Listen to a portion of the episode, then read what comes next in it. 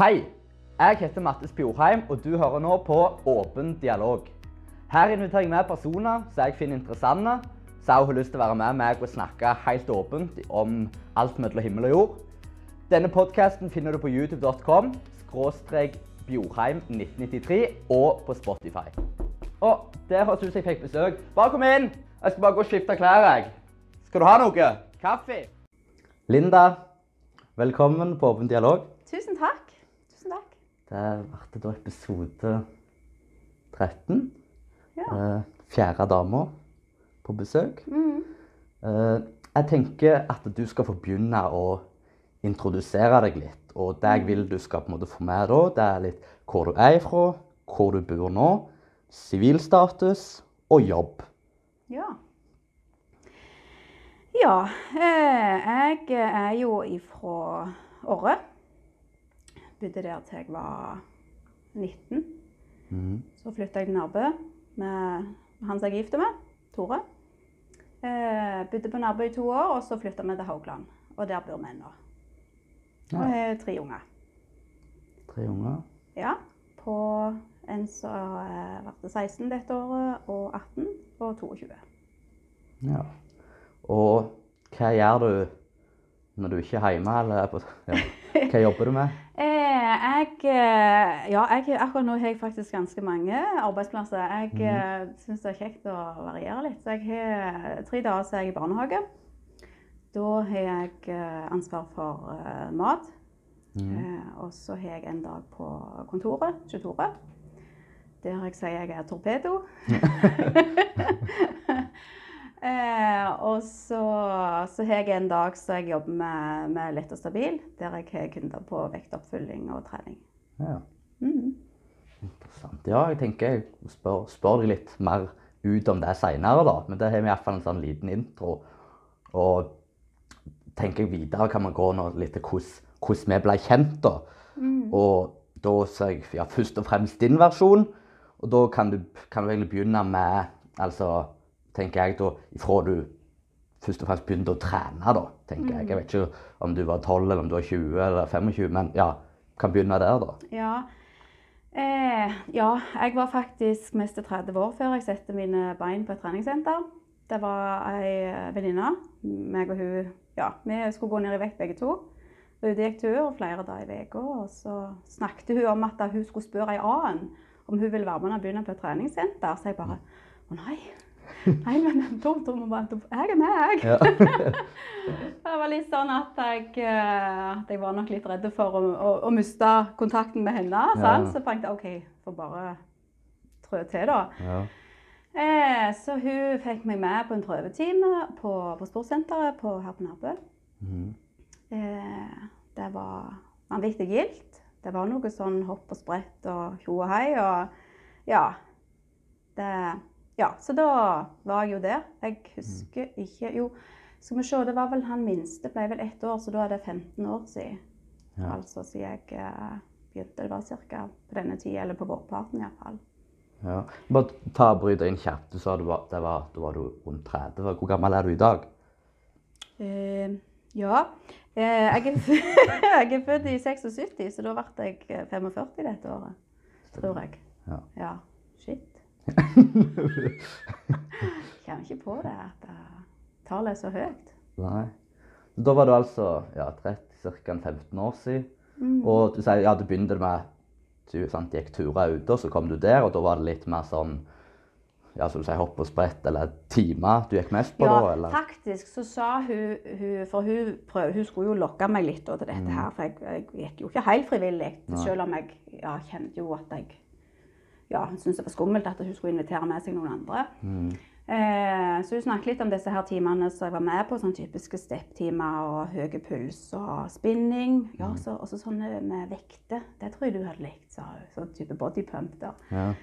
Eh, så ja, jeg er med, liksom. Og ja. Så da Ja, så begynte det sånn. ja. Eh, glei mer og mer over på Gikk kun på bodypump og på spinning. Og ja, skulle fortsatt ned i vekt. Svingte vekta, gikk opp og ned. Og ja, så tok jeg kontakt med hun, eh, hun på eh, Hva heter det? Hun Lærbrekk som drev på Bryn tidligere. Jeg kjenner ikke Ja. hva det heter. Ja, jeg vet hva du mener. Ja, eh, og hun sa det at du må bare komme deg inn i vektrommet. Lufte skikkelig vekter, lufte tunge vekter, liksom. Ja, det var greit det. Fikk program og begynte med det så vidt jeg var på sportssenter. Skulle finne ut av alt sjøl og Ja. Ja. Når du sier da at litt av motivasjonen til å begynne var å, å gå ned i vekt, Mm. og, og sånn var det sånn at du var ja, voldsomt overvektig med det, eller hvordan, hvordan ja var det? eh, for å si det sånn eh, Etter det siste svangerskapet så var jeg Jeg vet jo egentlig ikke hvor tung jeg var på helt hvilket tidspunkt. Mm. Men det var sånn at jeg brukte mannen sin eh, T-skjorte, og han er jo en stor mann på to meter. Og du eh, Eh, 1,61. Ja. Ja. Mm. Så eh, når hans T-skjorte begynte å bli trange, så tenkte jeg fillen er det skjedd noe i vaskemaskinen? Altså, den faktisk tenkte jeg Hva som har skjedd her? ja. Så tenkte jeg nei, fader, nå må jeg visst bare gå på vekta. Så gjorde jeg det, og den viste 110 kilo. Og det var Det var sånn aha-opplevelse. OK, nå På 1,61, ja. Ja da, ja. Det var sånn sykelig fedme, søk hjelp omtrent. Mm. Men det gjorde jeg jo ikke. Å nei. Å nei, dette skulle vi klare sjøl. Så jeg begynte med Jeg gikk jo tur hver dag. Jeg husker jeg lånte en sånn en argometersykkel som jeg hadde i stua. Eh, Så jeg sykla på den. Ti minutter på morgenen, ti minutter på kvelden. Det var, det var nok, det. Eh, ja, så sakte, men sikkert så, så begynte jo kiloet å, å gå av. Jeg gikk ned vel eh, rundt 40 kilo på ett år. Eh, det var tøft. Det var Tårene trilta innimellom fordi at vekta sto stilt. Jeg jobbet hardt og ja. Mhm. Men eh, ja, jeg kom meg i mål. Men altså, hadde jeg hatt den kunnskapen som jeg har i dag, så hadde det jo nok ikke vært så stritt, tenker ja. jeg. Men bare kjapt om du sier at det, det var på en måte det som ja, gjorde deg til å se at OK, jeg må gjøre noe. Men Mm. fikk du noen kommentarer utenfor? Fikk du noen kommentarer hjemme? Var det sånn Tore, han Nei. kommenterte ikke noe? Nei, uh, ikke i det hele. Uh, han har liksom alltid Hva skal jeg si? Han, han har vært der for meg. Eller, altså, han, han, han bryr seg ikke om hvordan jeg ser ut. Han, han ser meg, på en måte. Ja. Uh, og det er jeg jo veldig glad for. For det at jeg tror nok det hadde vært vanskelig hvis ikke. Eh, ja. Mm. For det Ja, han eh, Jeg husker faktisk at Anders sa det en gang, Anders på, her på. Ja. At eh, ja vel, må han likevel det nå når du har blitt sånn, liksom. Så, han var, så jeg bare tenkte Jeg har faktisk aldri kommentert det på den måten, liksom. Så ja. Mm. Stemmer. For jeg tenker jo litt sånn, og du sier ja, at det er jo en positiv ting sånn for hans side, men for annen side så vil jo jeg si det at uh, at ikke plent bare er positivt, for det er jo en plass skulle du kanskje hørt ifra. sant? Hadde det gått enda lenger, eller hvis det hadde utvikla seg til noen alvorlige sykdommer, sant? så er det jo sånn Hvis ikke han, altså ektemannen din, skulle jeg si, hvis ikke han kan si noe, er det noen som kan si noe i hele tatt, da skal vi bare vente til de finner ut av det sjøl. Altså, ikke jeg klandrer ikke han for, for at det nei, opp, liksom, men, men det er en sånn Ja, det er vanskelig, det der. Men, Ja, det er jo det. Det er jo det. men ja, det gikk ja, rett veien, som du sier. Uh, og ja, der du fant ut da, med litt ja, veiledning fra Helene, det vet Ja. du, Mm, mm. så var det ja. Men det var jo på en måte seinere igjen. For etter jeg hadde gått ned disse her kiloene, så måtte jeg jo ha en sånn en, eh, Eller jeg måtte ikke, men jeg søkte om å få en sånn en mageplastikk, for jeg hadde jo et sånt forkle herrene. Mm. Eh, og fikk vekk det. Eh, men så gikk jeg, da måtte jeg plutselig slutte å trene, for da hadde jeg jo hatt en stor operasjon. Ja. Så da ble det litt sånn OK, what to do? Ble litt mye rolig, og så ble det litt kjedelig, og så var det litt sånn eting igjen, og så Ja. Ja. Så ja. Så gikk kiloene litt på igjen, og så ja, så tror jeg jeg holdt meg nokså jevnt en stund. Men så, og så var det litt det der jeg sier med kunnskap. Sant? Hvis jeg hadde hatt mer kunnskap For jeg åt sunt, men jeg åt likevel for mye. Men ja, si da når du kom inn Du kom, gikk litt vekk fra de timene og ja, ble veiledet til å gjøre litt mer styrke og, og sånne ting. da. Og så er det der jeg, der jeg vil da på et senere tidspunkt, så valgte du å bytte treningssenter. Vil du fortelle litt om den prosessen, hvordan det starta, hvorfor, hvorfor du gjorde det? Og, Ja. Eh, jeg var jo på, på, det, på sportssenteret her på Nærbø. Mm. Eh, hadde jo et par venninner som trente der. Eh, de var datt gjerne litt mer av. Så jeg gikk mye alene. Og, ja, og når jeg begynte å lufte tyngre vekter, så hadde jeg jo heller ingen med meg. Så det var Ja. Mm. Så jeg gikk der og, og lufta i groen uh, mer og mer. Eller tyngre og tyngre. Og fikk jo litt sånn Du merker på en måte når stemningen endrer seg. Eh, og, og jeg har sagt det til andre at jeg følte til mer, til tyngre jeg løfta, til styggere så de på meg. Mm. Eh, og det òg var i perioden når jeg holdt på og, fikk veiledning hos Helene. Mm. Eh, og så skulle jeg ha noe sånn eh, Tabata-intervall. Det var i grunnen det som velta lasset for meg der på mølla. Mm. Så han typisk han springer, hopper av, springer, hopper Ja. av. Så kom hun ene bort til meg da og spurte hva hun lurte på hva i all verden jeg holdt på med. Så jeg ble litt sånn Hæ? Hva? Mm. Eh, jeg kjører intervall. Ja, nei, det der som jeg holdt på med, det, var, det ødela mølla, og det var farlig for meg sjøl. Og jeg bare tenkte OK, unnskyld, beklager. Jeg, jeg var ikke klar over det. Så jeg kjente jo at jeg ble litt sånn Hva, hva er dette her for noe? Jeg ble nok rett og slett fornærma. så kjente jeg jo, ja Eller ja, jeg fortsetter jo litt til. Og så, men jeg kjente det at det var, det var liksom kommet en elefant inn i rommet der. Anne. Så jeg tenkte at her, her jeg grudde meg til å gå der. Jeg trivdes ikke lenger. Det var, det var ikke gildt. Så jeg tenkte jeg må, ja, jeg må, jeg må finne en annen plass. Og på Nærbø var det jo et senter, så Men du sier ødela mølla, hva vil si at det mente at når mølla gikk uten du sprang på, at det var det som ødela, eller hva var det som ødela? jeg vet ikke egentlig hva Nei, det har ikke smakt ikke noe om Nei, det. var bare nei jeg, jeg vet ikke. Hun hadde gjerne et behov for å sette meg på plass. Jeg vet ikke. På, Nei. av en eller annen grunn. Eller, på, eller om hun hadde en dårlig dag. Jeg vet ikke. Nei, det. Det, kan være eh, Ja. Når du løfter tung, tunge vekter, hva vil det si? Var det sånn at du kjørte markløft, og det var mye bråk for du slapp den stonga, eller hva, hva liksom var den tungvekt? det var, for jeg hadde jo faktisk mange ganger så måtte jeg jo ha med meg Jeg måtte jo gå og hente hjelp til Altså når jeg skulle ta knebøy. For, å få, for det var jo ikke noen sikringer på noen som helst måte. Ja. Eh, så jeg måtte jo ha med både én og to for å Kan du være med, liksom? eh, men markløft eh, Nei, jeg tror jeg var nokså fredelig. Jeg er jo et fredelig menneske, egentlig. ja, ja. Jeg tenkte om det var liksom, om det hadde vært noe. Ja, men jeg, jeg var nok gjerne den eneste av damene som løfta så tungt. Ja. Eh, jeg kan ikke huske at jeg så noen andre som gjorde det. Nei. Eh, og noen syns gjerne det er litt dumt. Eller jeg vet ikke, det skurrer gjerne litt hos dem. Og dette var da, da du sier samtidig som du var i regi av Du fikk hjelp av Helene, og hun var med veileder. Hvordan, hvordan du virkelig kunne få utbytte av treninga. Mm. Og hun justerte på en måte programmet for meg. altså Begynte på sant, litt reps, 8-10, og så OK, nå skal du ned til 2-4 repetisjoner. Klart det blir tyngre og ja. Eh, så men, Og jeg hadde faktisk med meg ei en gang på trening, og hun kommenterte også det. Ja, men Linda, trenger du løfte så tungt? Det er jo ingen andre som løfter så tungt. Altså litt sånn. Så, så Men klart, jeg, jeg ville jo det. Det var det jeg likte. Det var det som var gildt. Mm. Mm. Ja, fortsettelsen da. Bytta treningssenter. Ja, så visste jeg jo om gymmen på Nærbø. Så var det sånn, ja, det var liksom de der store derene på gymmen. Og så søkte jeg opp på nettet, liksom, fant ikke så mye der.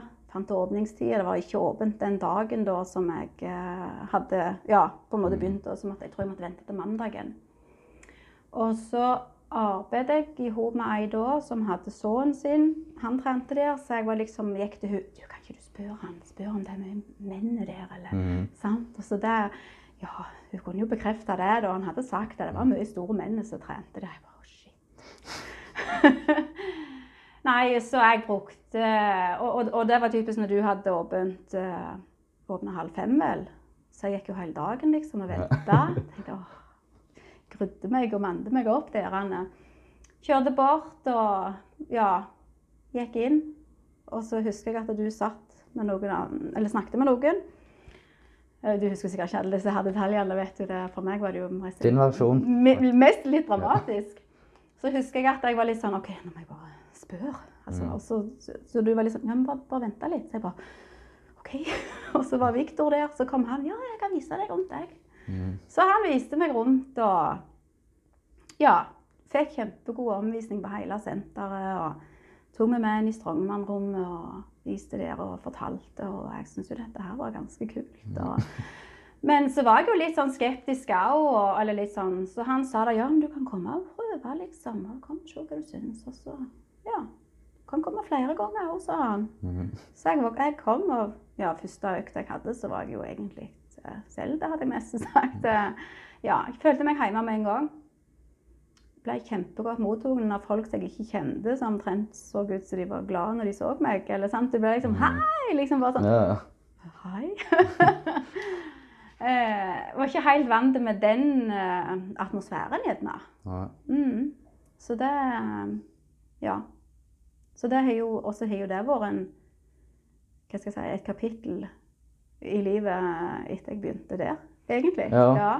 Og bare sånn, få med overgangen av, for nå var det på en måte du kom over til gymmen, men det var jo, det begynte jo med at du fortsatte den treninga du hadde, sant? og knebøy og, ja, og de tingene der, men så kom du til et punkt der, ja, for de som kjenner deg så vet at du begynte å løfte på de her steinene, og ikke bare stengene. Vil du fortelle litt om hvordan det var å ta det steget, i å løfte vanlige ting til å begynne? Ja, for det òg var jo et kjempelangt skritt eh, for meg å ta. Eh, Sjenerte som jeg egentlig er. Eh, for det at eh, det begynte jo med jeg, jeg husker jeg begynte på gymmen. Det òg var på vårparten. Jeg, ikke, jeg husker ikke helt når det var. Men iallfall så var det litt sånn at jeg visste at det var ingen andre damer som lufta der inne. Eller, eller grunnen til at jeg, at jeg gikk og lurte, var for, for da hadde jeg kommet meg i mål med denne vektnedgangen min. Ja. For å si det sånn. Og så var det litt sånn OK, enten så skal jeg lære å gå på hendene, eller så skal jeg begynne med det. så var det litt sånn Ja, nei, jeg så og så hadde jeg jo Det vil du gjerne ta opp seinere, men grunnen til at jeg holdt litt igjen òg, var jo fordi at jeg vet hvis jeg løfter tungt, så leker jeg. Og det, der inne var det jo kun tungt. Men uansett så hadde jeg bestemt meg for at jeg skulle gå inn og snakke med deg i bua. Og hver gang når jeg var ferdig på trening, jeg hadde tenkt ok, i dag skal jeg gjøre det, så satt det jo noen andre der inne. Og da torde jo ikke jeg gå inn. Så da gikk jeg forbi. Og dette her gikk jeg og tenkte på i et halvt år. Før eh, dere skulle ha denne her julekalenderen der dere skulle presentere noen av medlemmene. Så jeg fikk et ark eller noe som jeg skulle fylle ut. Og da hadde jeg en unnskyldning, en skikkelig unnskyldning for å gå inn, for jeg skulle jo levere dette her. Og så hadde jeg jo tenkt å ta det i samme slengen, men da satt det jo en der inne igjen. Og jeg bare sånn, litt sånn gira. Så bare 'Men du, jeg må spørre om noe', sier jeg. Men, 'Men da må du gå ut', sa jeg jo til han stakkaren som så der. Og han var helt overgitt, og han reiste seg og Ja, ja. Men så var det litt sånn Nei det går fint, sa jeg. Og da hadde jeg, da hadde jeg brått i isen litt og sa OK, her, nå er det noe som jeg syns er litt skummelt. Mm. Så ja. Så da husker jeg at, uh, at du avtalte meg ja, du kan komme på lørdag da og da. Bare være varm til da og sånn. Og, ja. og det var jo Herregud, det var helt Det var helt spesielt. Jeg husker ikke helt hva vi begynte med. Men jeg husker når jeg skulle lufte den steinen. den første steinen. Så vet jeg jeg sa det at Han sitter jo fast, sa jeg. Ja. Så du bare Ja, men du må bare lufte den! Ja, men han sitter fast! Ja, jo, Gjør det skikkelig, da, liksom. Og så bare natter jeg han opp, og så plutselig så kommer han, og så Å, herregud. Ja, det, det var helt fantastisk. Så var jeg jo Jeg var så blå og mørbankt etterpå. Og jeg husker vi skulle på en fest om kvelden. Så da var det jo Vi var tre, tre ifra bygda, da. Mm. Eh, så da Ja, det ble mye tull. Da ble det Hulk Haugland, og så var det Hulk Hognest, og så husker jeg ikke hva hun siste var, faktisk. Men det var det de gikk i da. Herregud. Ja. ja. Nei, dame på tur, vet du. Nei, men det var Jeg, syns jo det var dritkult, og det syns jo de andre òg, at jeg faktisk hadde gjort det. Eh, men at det skulle bli en så stor del av meg og min fritid og mitt liv, det hadde jeg aldri sett før meg da. Nei. For det var jo helt nytt og ja. Men Si, eh, du snakket om, eller du fortalte om den vanskeligheten med å på en måte ta skritt eller melde deg inn på gymmen. da. Så fikk jo vi nå for ja, ikke om et års tid siden så fikk vi jo nettinnmelding, som jeg har sett eh, bare tok mer og mer av. Tenker du, Hadde det vært der på det tidspunktet, tenkte du hadde det vært lettere å ta skrittet da? At du hadde meldt deg inn via nettet, eller tror du ennå at du ville komme til meg? Jeg tror nok ikke det hadde blitt lettere, for jeg måtte likevel på en måte tatt det skrittet. Og gå- og, gå og gå inn, der, sant? ja. eller gå Men du kunne jo gått når det ikke var folk. altså sant? Men, Ja, men det spørs om det hadde vært mindre skummelt. Ja, okay. For- dette, alt er jo altså, litt typisk sånn redd for det som er ukjent Ja, ja. eh, og fremmed. Og der er ja, masse rom og ja, maskiner og sånt. Ja, jeg husker Ja. bare sjøl på det som da heter Formtoppen. Når jeg, jeg og ja, kompisen min begynte å trene, så gikk det det gikk iallfall ei uke, gikk gjennom flere uker før vi gikk fra oppvarmingsrommet inn i hovedrommet. Jeg trodde liksom ikke gå inn. Så det er jo en sånn Litt løye at du sier det, for det at da når jeg begynte å skulle trene med ja, skikkelig vekter eller tunge vekter på, på, på sportsenteret, mm, så var jo jeg veldig godt vant med disse her eh, bodypump-stengene. Så de var jeg jo ganske trygge på. Tok jo både markløft og knebøy og, og alt med de. Så så jeg jo de der store stengene. Ja. du, tenkte Torde jo ikke ta de, jeg. Så helt til jeg så ei annen dame som gjorde det, tenkte jeg OK, da kan jeg òg. så litt sånn eh, Litt sånn pinglete, rett og slett. Ja. Eh, Jeg vet at jeg sa det til, til Egil når vi var på, på Verdens sterkeste dame. For da var det et eller annet han spurte ja, har dere vært og snakket med henne. Litt sånn typisk hun, Britney, da, hun som coacha meg. da. ja, ja. Så bare åh, nei, jeg det er litt skummelt, sier jeg. Og han var litt sånn hæ? Hva, Er dere sjenerte? Ja. Ja, vi er altså det. Liksom meg og Hanne. Ja. Men uh, han, han kunne ikke forstå det, så um, kanskje jeg uh, har gitt han et annet bilde.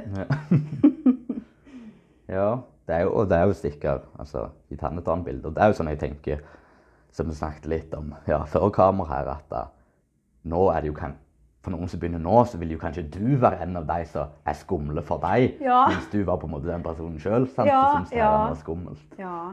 Uff, ja, det er jo litt fælt å tenke på. At Ja, men da er jo det jeg føler uh, at vi er ja, relativt flinke til, som du også sier, med å være nokså velkommen. Og jeg har Mm. også hørt dette veldig sånn god stemning med, med hilsing på folk du aldri har sett før, liksom, i stedet for å han kjenner jeg ikke, se vekk, eller Mm. Ja, unngå å si hei. sant?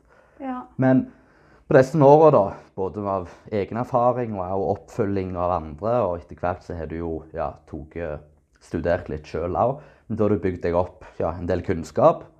Eh, og da vil jeg ja, til det her lett og stabil, som du nevnte, som er en av ja, jobbene du gjør. da. Vil du fortelle litt om konseptet? Hva, hva er lett, lett og stabil? Eh, det er på en måte Altså, vi driver med, med oppfølging av folk som ønsker å gå ned i vekt. Eh, veiledning i forhold til kosthold. Eh, mindset, altså hvordan, en tenker. Eh, og også i forhold til trening. Vi har jo eh, organiserte treninger, eller sirkeltreninger. Altså noen av kurslederne har sirkeltrening, og noen har trening ute. Alt etter hva, altså hva som passer for den enkelte. Hva, hva, hva en har tilgjengelig. Og hvordan er erfaringene med det? da? Er det sånn at dere typisk kanskje får at du får inn noen av de som ikke tør å gå på treningssenter, kommer til deg, eller er det litt begge deler, eller hvordan? Ja, øh, faktisk mange av de sier det, de som kommer og trener. For det er litt mer sånn at nå, nå er det noen som venter på meg. Altså, Ja. eksempel, Har du et treningssenter, så er det ingen som merker om du ikke kommer. Nei. Så det er en gjenganger, veldig mange sier. Så at de, at de må jo komme, for de, de, jo, de vet jo at de andre venter. For det, sånn som jeg har jo veldig små grupper. På, på, nå har jeg det ute da, pga. eh, de nye restriksjonene. sånn at nå har vi fem, men vanligvis har jeg eh, fire når vi er inne pga. lokalet ikke er så stort. Ja. Så, og da blir det jo sånn sant, du blir godt kjente og ja. Det er liksom det. Det blir en god gjeng. Ja. Mhm. ja, så det er på en måte lett og stabil er flere folk, og så er du på en måte en av, Ja. en av hva, hva kaller det, terapeutene? En av, en av kurslederne, Ja. ja. Mm, ja. Eh, for vi har noen som er, er, er kursleder og trener, mens andre er gjerne bare trenere eller bare kursledere. Det er okay. mm, eh, litt forskjellig.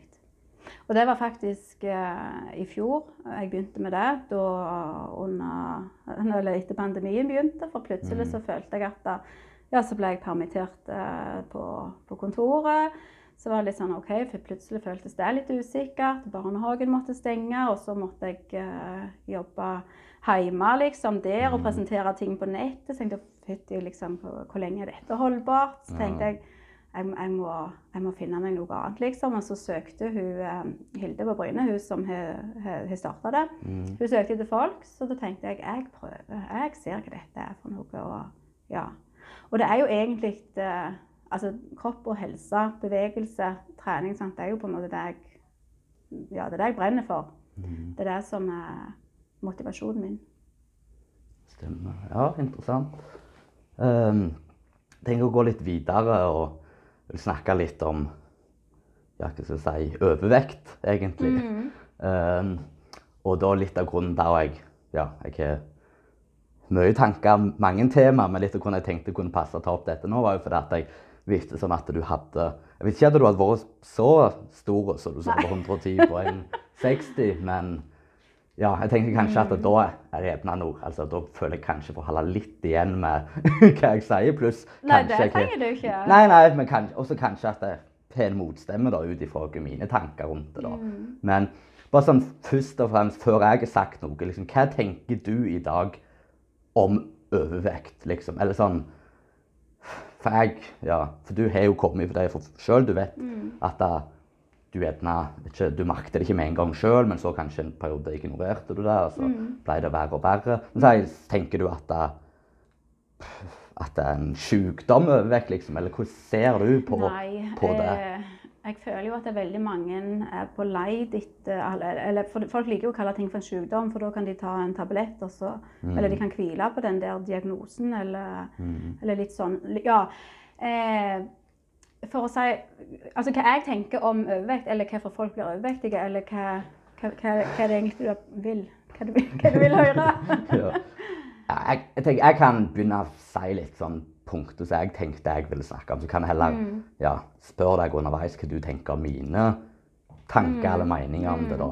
Og det er jo sånn ja, Først og fremst så sier bare Si fedme eller overvekt generelt. Og da snakker jeg ikke om folk som har litt ekstra, eller sant? Du, har det, du har noen som vil være litt større, både gutter som foretrekker det. Jeg snakker ikke om at en har litt ekstra fett. Jeg snakker om Ja, tjukke. ja altså- så, sånn typisk sånn som ja, jeg var. ja, 110 på 161, da er du da er det ikke sånn om du er i tvil om, om du er tjukk. Da er det en tjukk person, liksom. Ja. Eh, og da snakker selvfølgelig ikke om folk som har underliggende sykdom i utgangspunktet, som stoffskifteproblem der, altså at de ikke kommer foruten dette. Men først og fremst der, hvis du på en måte kom snakket til, eller om fat acceptance, da, liksom at du, jeg føler det er blitt mer, mer sånn greie at du skal mest si pute under armene, at det, det er liksom, du er ikke lov til å nevne eller snakke om det, for det er at da, være påpasselig med dem, sant? At du skal ikke Skal ikke krenke noen. Nei, nei, du skal ikke krenke noen. Og, men så er det ikke på andre sida heller liksom, at, jeg, det vil jeg kalle fatshaming. At du,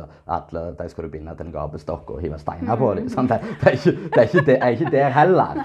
Men jeg syns det er blitt galt det der at vi, at vi liksom skal ikke kunne snakke om det. At det helst har vært sånn Å nei, så er du tjukk, liksom. Det er sånn, for det, jeg føler I andre enden av skalaen så er det mye mer akseptabelt å kommentere noe 'Så tynn du er.' sant? Mm, ja, jeg snakket ja, ja. med meg som sa det at uh, hun fikk ofte kommentarer du kan jeg prøve å ta rundt håndleddet ditt. Det er så Ja. tynt, liksom. Jeg vil se om jeg klarer. Liksom, det er mer akseptabelt. Så det er på en måte litt av tanken der, at jeg, at jeg syns det er galt det går den veien. Et eksempel er jo, kan du si med herrene, det er blitt en sånn Det er ikke det er ikke det som er sommerkroppen. Alt er sommerkroppen. For det er at eh, hvis noen er komfortable med å være 130 kg, så er det altså, så er det OK. Så er det sånn Ja, hjelm skal ikke hive steiner på dem, men nei, det er ikke OK. For det er Om det ikke er en sykdom, så er de mer sårbare for sykdommer. Og du skal liksom ikke komme der og bare godkjenne det. Det er akkurat så hvis vi sier at OK, røyk det fører i mange, mange tilfeller til kreft. Så skal ikke vi stå liksom og støtte dette. Nei, det er greit å røyke, for det er mange som har kreft. Om de får kreft, så er ikke Ja, det galt. ja. Jeg føler det er litt med liksom, at du skal ikke Og da bare si, for det går episode to, det er mange som snakket om han Osi. Han Ja. vært litt krasse kanskje mot overvektige. og for eksempel, Han trakk inn Erna Solberg, at han syns at det er litt sånn på kanten at det, en person som det er veldig tydelig ikke klarer å styre matlysten sin, altså ikke klarer å styre seg sjøl der, skal likevel styre et helt land. Og jeg vet jo det, jeg sier ikke det at ja, er du overvektig, så kan du ikke ha gode meninger, eller liksom Men det er liksom Jeg er litt enig med henne. Jeg har flere også sier at det er noe som skurrer. Det er flere som liksom Når hun ligger og har altså en en tale om oppdateringene på tiltakene, så må hun ha pustepause. Altså, det er Ja. Ja. Jeg, jeg føler ikke det, det er så bra, det der. Nei, det er jo ikke det. Uh, så jeg, jeg føler at det er blitt en slags At det er en Det er jo ikke en i seg sjøl er det ikke plent en sykdom, men jeg føler at det- overvekt er en slags folkesykdom. For Ja. det, det kan føre til andre sykdommer. Uh, ja, jeg tenker at det bare ikke kan føre, men det gjør det. Det er jo bare Ja. tidsspørsmål, ja. egentlig. Absolutt. Uh, for det, at det, er jo en belastning på hele kroppen å bære på så mye ekstra vekt. Det er belastning for systemet inni kroppen. Sant vel, alt, altså det, er jo, det er jo ingenting positivt med det. Det, det gir deg jo ingenting som er bra. Eh, men, men så tenker jeg at det er jo mange forskjellige årsaker Absolutt. til det. Men, men altså, årsak én er jo det at du får i deg mer enn det du trenger. Altså det er jo Du kommer ikke utenom det. Nei. Det er ikke noe sånn at Ja, men det er genene mine som gjør det. Ja, men altså Du må gi deg ganske mye ekstra for å bli så stor, og du må være ganske inaktiv. Altså sånn for å opprettholde den overvekta. Eh, så, men så tenker jeg òg også Hvis en ser på Når du går på butikken og handler, mm. hvor mye av den maten er naturlig? Sant vel? Ja. Hvor mye av den maten var der for 100 år siden? Eh, da kan du altså, har ikke hatt behov for de der store butikkene nå hvis at en skulle på en måte altså plukke vekk det og kun forholde oss til råvarer, altså det som kroppen faktisk trenger. Altså jeg tenker Kroppen er egentlig veldig primitiv. Mm. Den trenger kun de derene, ja, råvarene som på en måte vi får fra naturen. Mm. Eh, for når du på en måte begynner med alt det der eh, ultraprosesserte matvarene, så tenker jeg at da altså, Der vil du på en måte fort få i deg altså, mer enn det du trenger. Og kroppen vil eh, vet jo ikke egentlig helt hva den skal gjøre med alt dette her. For dette, ja, ja det, er, det er på en måte Det er en lapskaus av alt mulig der, sånn at uh, Ja, ja. Ja. Men det der går litt på det jeg, jeg, sant, jeg nevnte med, med det der fat acceptance. For sant, de, de aller fleste tror jeg når de begynner å komme opp i det, så ønsker de ikke plent å være der. Men de vet kanskje ikke hvordan de skal komme seg ut av det, eller de har ikke motivasjon til det. Og det er der jeg føler det er galt at vi skal begynne å bare Da er bare løsningen å begynne å si at det, ja, men det går fint, du kan bare være sånn. Det, det skal ikke være sånn. Det må være en form for motivasjon. Ikke som at noen går og pisker dem, men at det, du skal ikke bare begynne å si at nei, men det går fint, det kan bare være sånn. For det, ja, det vil jo ha vært eh, bare et enda større problem da. Og du snakker om, om årsaker altså til, til fedme. I bunn og grunn så er det ja, at du spiser mer enn det du for, forbruker. Og så snakker du om ja, matvarer og tilgang til mat. Da. Og det er jo litt av det jeg har tenkt jeg ville si, si om litt av årsaken til fedme. da. Og det er jo fordi at mange, mange tusen år sant, så har menneskekroppen utvikla seg ut av hvordan en har levd. Sant? Og det er veldig liten andel av den tida mennesket har vært, da, at vi har hatt konstant tilgang til mat. Sant? Det har vært veldig periodevis at vi har hatt tilgang til mat. Og da har vi vært litt sånn at eh, når vi først har hatt tilgang til mat, så har vi spist det før det, altså før det mygler eller er ødelagt. Etter hvert selvfølgelig så lærte de måter å tørke det på og kunne spake og sånn og sånn. Men det var sånn at på den stammen du hadde, så når dere hadde mat som måtte spises der og da, så var menneskekroppen sånn at den kunne fråtse og ete mye og bygge opp lager. For plutselig kunne det være at det gikk fem dager du ikke åt noen ting. Og da, hadde, da var kroppen lagd sånn når du fikk altså hormoner og matlyster og alt sånt her, til å ete dette, fordi at du visste at dette var viktig for fremtida. Og da had, var det sånn at da la, lagra du på en måte en, si, en fanny pack, altså en liten pakke med fett. Sånn at når du gikk i denne perioden ikke hadde mat, så hadde, kunne du gå der og hente energi av det. da. Eh, og det er jo sånn type fun fact som jeg kan nevne, da, at mange som kommenterer det når jeg går opp i vekt, eller sånn at eller at dere slipper sist, og at det legger på seg. Men jeg, jeg er en sånn type, jeg legger på meg her. Da sier jeg rundt magen, hofte og sånne ting. Og det var nettopp pga. det her. Det var en positiv ting med det. Du lagra dette for å ha på en måte den her energibagen, og så lagrer det seg rundt det vi kan si center of gravity. da. Det sier, hvis det lagrer seg si, merkelig, lagrer seg på baksida, altså på overdelen av ryggen, sant? så ville det lagd en ubalanse der. Så det var liksom genialt med at det ble lagra i, altså i midten av tyngdekraften, sånn at det skulle være ikke så i veien. Og så når du gikk en periode du ikke hadde mat, så kunne du hente den energien da. Og det her har jo vært veldig nylig at vi har fri tilgang på mat. sant? Eller ja, vi kan ete konstant. Og da er det der at folk gjerne ikke, altså ikke stopper, for at vi egentlig er programmert til at når du har tilgang til mat, sant, så har du lyst på det og, og, du, ja, og kan ete det. Og når du har konstant tilgang, så bare er det enkelte da som bare fortsetter å ete. For det at det er du får altså dopamin, endorfiner. Du får gode følelser av å spise det sjøl til når du er mett. Og det er jeg litt med å tenke da at det kan være et tilfelle for flere. at det, det egentlig er kunnskap, altså mangelen på kunnskap. Ja. For bare hvis det her, han var bevisste på at å ja, jeg trenger faktisk ikke mat nå, men dette er altså sanser ting fra mange mm. tusenvis av år så sier at jeg altså, Ja. at det, det er viktig med mat for tilfelle jeg dør. Men nå har du tilgang på mat hele tida. Ja, det er jo overalt. Og det er det jeg sier til mange av de som går som meg òg. Altså, typisk hvis de, sånn, hvis de ikke kan gå forbi ei skål med noe, så sier jeg men, men tenk deg om. Eter du den fordi du trenger den, eller eter du den fordi du ser den? Sant? For det er jo det der Ja. Hvis du stopper opp når du på en måte ser noe, altså, eller hvis du stopper opp for du tenker at den skal jeg ta, altså hvorfor skal du gjøre det? Er det kun fordi du ser den? Hadde du tenkt du skulle hatt den hvis du ikke så den? Så, altså bare få det der fokuset på altså, hvorfor er jeg nå? Hvorfor, hvorfor, vil jeg, hvorfor har jeg lyst på den? Jo, det er jo fordi jeg ser den. Ja. Så, det, ja, så litt du legger i det, er jo på en måte det å, å legge opp til å feile. sant? Da kan du si det er et eksempel eh, som jeg har veldig anbefalt da, for ikke kaste mat og alt sånn. Så jeg kan ikke gå handle en gang i uka. For da blir du ikke utsatt for fristelsen så mange ganger. Det. Ikke ha liggende, ikke ha ei snopeskuffe hjemme med fullt av ting i. Så mm. å, nå fikk jeg lyst på, så er det veldig lett Ja, å gå ja, der og ta. Ja. Og det er sånn en verte, Ingen verte overvektig, eller feite, da. Hvis, altså feite, da så er jeg veldig stor. Ingen verte det over natta. Men du så er jo ditt eksempel at du det, du legger ikke merke til det sånn på den måten, for det, du ikke plent hadde det synet på det heller. Sant? Mm. Du, du var ikke der at at livredd at det skulle skje. Men det er sånn, ingen verte feite over natta. Du får på en måte tid til å si, stoppe. Og det er jo òg en greie. Si, hvis du, du ligger på en bestemt vekt, og så eter du vedlikehold, dvs. Si at du forbrenner like mye som du spiser, da går du ikke opp eller ned i vekt. Mm. Og så begynner du å ete mer, så går du opp i vekt. Så er det sånn at da, hvis du da spiser mer, så vil vekta stagnere sant? Med, med den basen. Og for å gå opp enda mer, så må du spise enda mer igjen. Det er ikke sånn at Mm. Oi, nå har jeg begynt å spise en sjokolade til dagen, og hvis jeg fortsetter å gjøre det, så vil jeg gå opp til 300 kilo. Mm. Det vil stoppe. Så der du ser når folk er veldig store, så har de ikke bare liksom, å, begynt å spise mye, de begynte å spise mye og fortsetter å spise mer og mer. Mm, Og er det sånn, ikke, for, ikke misforstå meg. Ikke sånn at å, han, han på gymmen og snakker negativt om tjukke folk. liksom, kan ikke gå på gymmen. Det er, jo, det er jo det jeg vil. altså Jeg vil ta imot med åpne armer.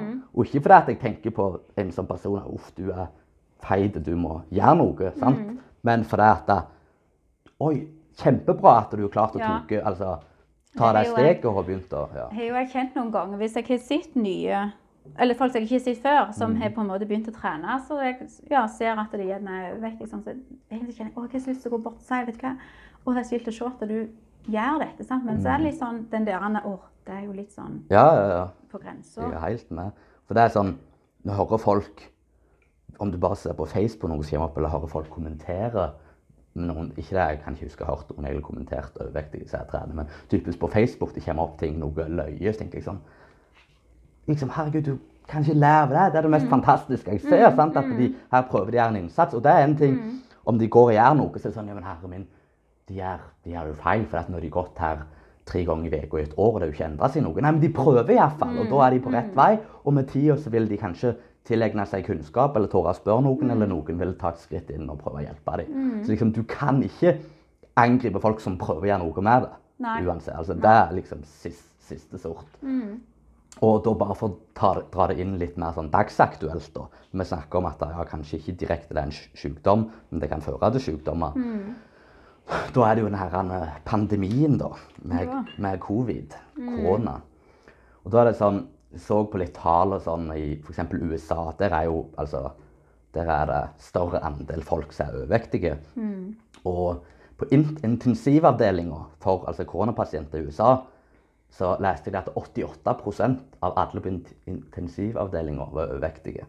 Det vil si 12% av de som er på intensivavdelinga, er ikke overvektige. Så der er det først og fremst at De er mer sårbare for sykdom. Eh, og, og når de da får sykdom, så er de, blir det typisk enda verre. For de er dårligere immunforsvar og dårligere å bekjempe det. Så det vil si 12% av de er ikke det. Og så så jeg at dødsraten i USA den er på 1,8% Det vil si at er nesten to stykker av 100 dør av det. da. Og du kan si av 1,8% så er 88% av de overvektige sant, i tillegg. Så det er jo et sånn et syn, syn på at du, de stiller dårligere. Og bare for å fortsette litt på, på covid og gå litt, litt vekk fra det her med overvekt, så er det det Vi har f.eks. bedt om å, å vente på vaksine. sant? At eh, ja, den vil komme, men det vil ta litt tid, så hold deg vekk fra folk. Og ikke, ikke liksom kun smitt folk, men hold deg vekk fra vaksine. Og da er det et sånn lite angrep da på media og ja, re regjeringa der, da. For det, det, det er egentlig det vi hører. sant? Ja. Vent, vent på vaksiner. Ikke ha for mange nærkontakter og sånn og sånn. Og det vet jo alle hva gjør med psykisk helse. alt sånn her. Men så er det det kommer til. Det er ikke mye research du skal gjøre. For april-mai i fjor så ble det gjort mye studier på altså, hva sant? Vi visste at en vaksineprosess den er lang. Folk kan si hva de vil om, altså, om vaksiner, men det prosessene som er gjort på, på covid-vaksinene, er ja, egentlig helst minst like gode som andre vaksiner. Det er, ja, jeg, ja, jeg skal ikke, ikke gå Ja, der rabbit. Men uansett, da, da leter de et alternativ som i mellomtida kunne fungere. Og noe som viste veldig tidlig, det var vitamin D. Sant? Sollys. Eh, 95% av det her er lenge siden, altså de første månedene av korona, men 95% av de som døde av koronaviruset, hadde vitamin D-mangel. Men så er det sånn, for de som kan litt om forskning, sånn, så det er veldig vage ting å peke til. Sant? For det kunne være mange andre ting. Ja, ja. Men så har det vist seg over tid da, at vitamin D liksom, I England for eksempel, har de gått ut og anbefalt å ha vitamin D-tilskudd, spesielt nå om vinteren. For det at de viste at har du altså, gode vitamin D-verdier, så stiller du sterkere mot koronaviruset. Her i Norge har jeg ikke nevnt noen ting om vitamin D. Og så kan du si ja, men dette er litt, det er litt vagt studiene. sant? Det er, for det er ikke gjort over så mange år og så mye tid, og vi ikke, kan ikke forske i forhold til etikk og sånn. Kan ikke forske for mye på pasienter. Nei. Men det har vist gode resultat. Og i tillegg, vinterhalvåret, så sier Norsk folkehelseinstitutt du skal ta vitamin D-tilskudd. Mm, Så det er ikke sånn, det er ikke så mye å tape. Det er, sånn, ja, men det er ikke så god forskning på det.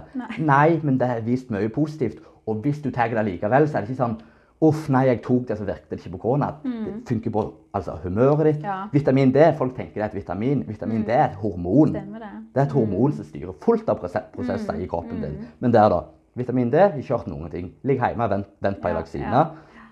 Eh, Så er det andre ting. Du har sink, du har noe som heter eh, quercetin, som har vist veldig bra effekt både for å altså, være mindre sårbar for det, men også, det finnes også behandlingsprotokoller når du får det, hvordan du kan ja, ta dette. da.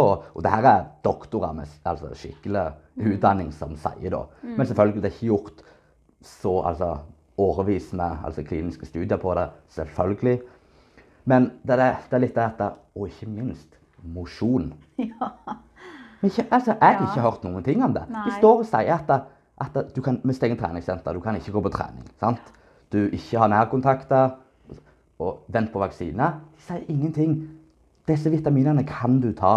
Uh, mosjonering. Hvor viktig er det med mosjon? Både for å både for å på en måte verte- ikke ha så mye fett hvis du er overvektig, men enda viktigere for å trene kardiovaskulære systemet. Det er jo vist at korona angriper typisk lungene. Det er derfor de snakker om respiratorer. Ja, ja, ja. Og da bare med å gå ute og mosjonere, du får vitamin D samtidig, og sant, at du blir Ja, ja, du, bare du to fluer i en smekk. Ja, men det ble ikke nevnt. Nei. Og det er sånn det er, Jeg vet ikke hvem jeg skal skylde på. Du er helseministeren Bent Høie. Han er jo veldig pro gå turer. Sånn. Men han nevner det som i at det, det er koselig å gå en tur Gå ut en tur. Men han sier ikke at det kan være bra med mosjonering. Og ei som selvfølgelig ikke sier det, er jo Erna. For det er hun gjør jo ikke det sjøl. Det ser jo ikke ut som det er hennes. står på hennes to-do-liste.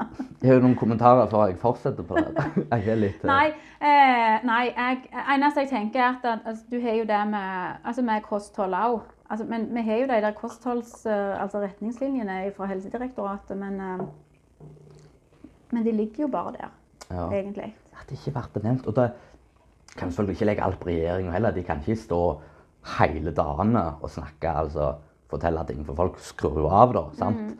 Men det kunne vært nevnt, og media har jo også selvfølgelig en jobb. Uh, og det tenker jeg òg å, å si litt om etterpå, om altså, medias sin rolle i det her, og hvilke ting folk bør være mer bevisste på. Veldig viktige ting. da. Men da for å prøve å oppsummere det her litt og sette det litt i perspektiv, så er det det at jeg så nå 11. april så så jeg tallene her i Norge. Det vil si 13 måneder er koronaviruset herja i Norge. På den 11. april da, så var det 600, 684 døde i Norge. Ja, det. 684 døde. I 2018 så var det 673 selvmord i Norge. Så mest akkurat like mange. Eh, og så så vi nå i desember 2020 var det tidenes rekord i Norge. Aldri mer selvmord enn en da. Bare for å sammenligne altså, et, et Ja, ja. eksempel. Eh, og en annen ting i ja, Årlig nå så er det ca. 900 dødsfall i Norge av vanlige sesonginfluensa. Altså mer enn koronaviruset. Men så selvfølgelig, jeg, jeg, er ikke, jeg er ikke dum. Jeg vet jo at tiltakene vi har gjort, har selvfølgelig vært med å presse disse tallene ned.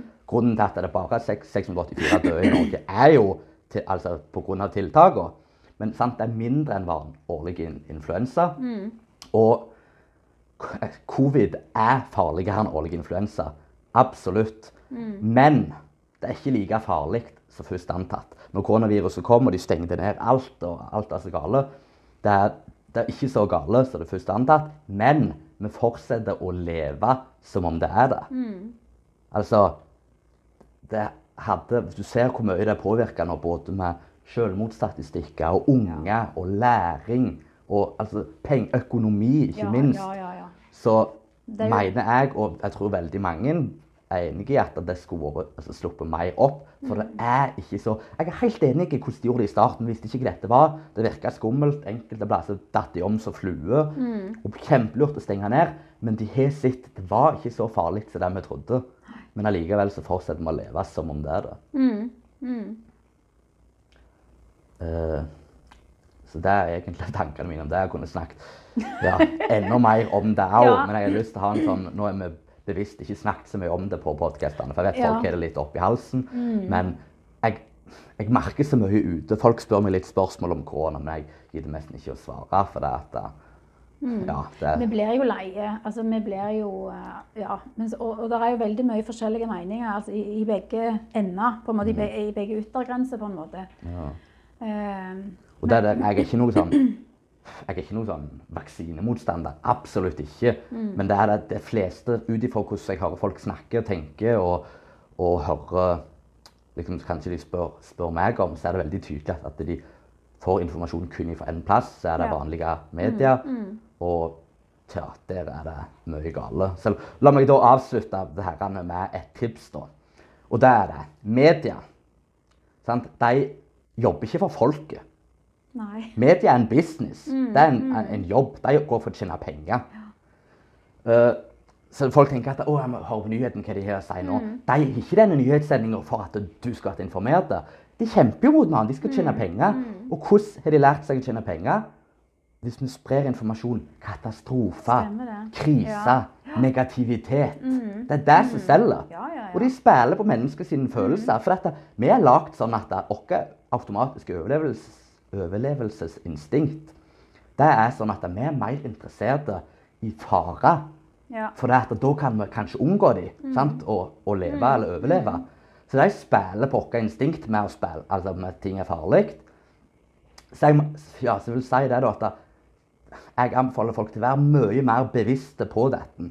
At de prøver, de vil komme med nyhetene om vise de galne tingene. Sant? Jeg er sikker på at mange der ute ser inntrykk av at, at det er mye flere enn 684 som har dødd i Norge Ja, ja. av covid. At det er mindre enn det det var i fjor som døde av årlig influensa. For Men- det ble jo ikke nevnt. Det, nei, men det er sånn, jeg forstår det litt òg, for at det på en måte fokuserer du sinnssykt mye på det.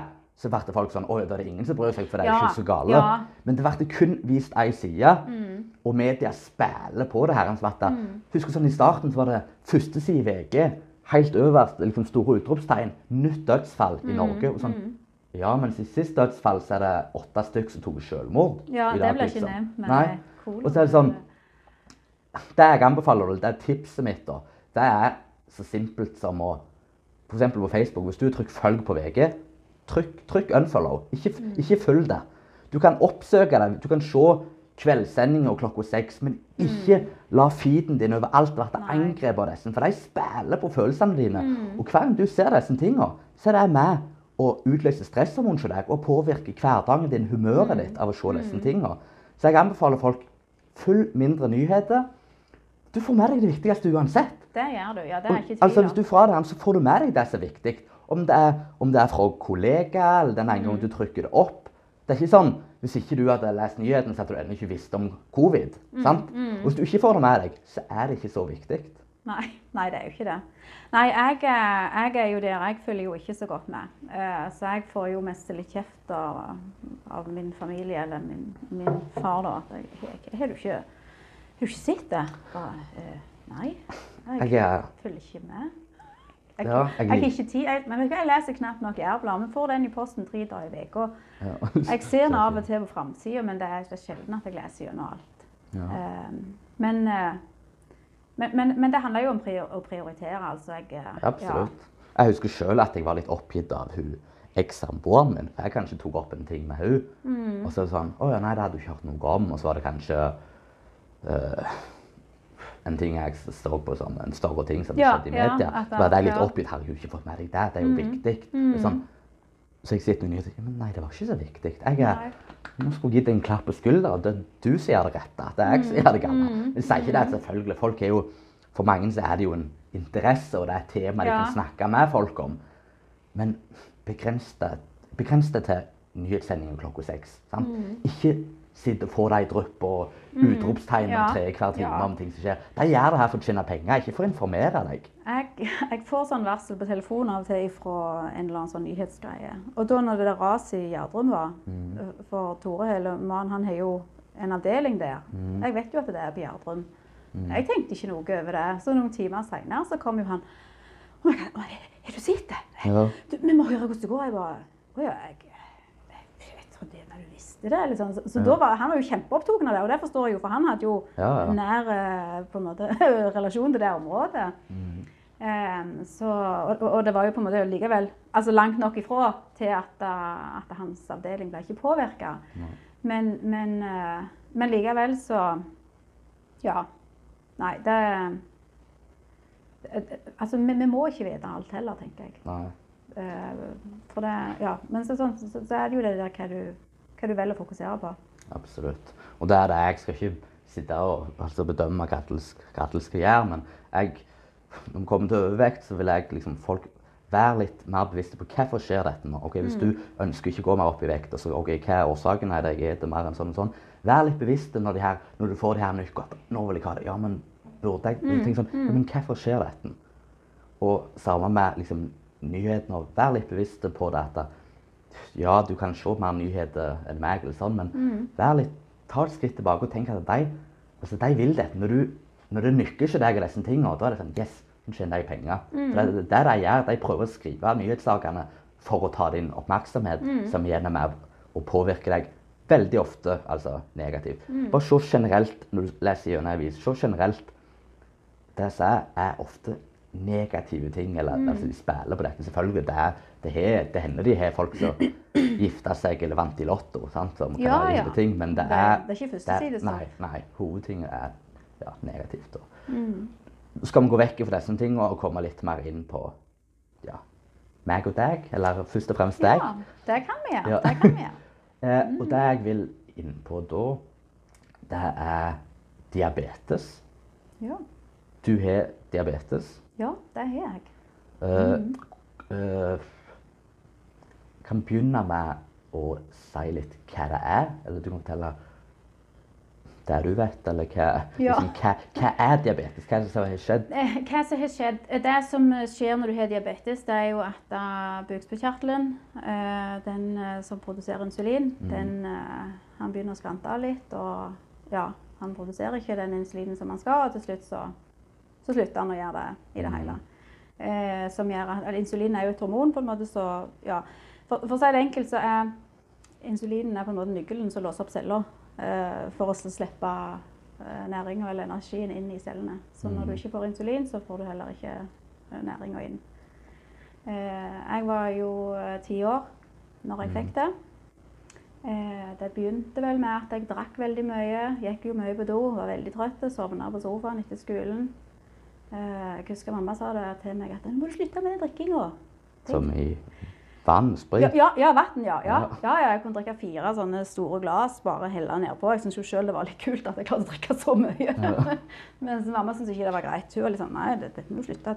Du kan få sukkersyke. Det kan være sukkersyke. Bare sånn. Du vil få sprøyte resten av livet. Bare sånn, ja. Jeg kan jo Ja, så visste, jeg visste ikke hva hun snakket om, liksom. Ja.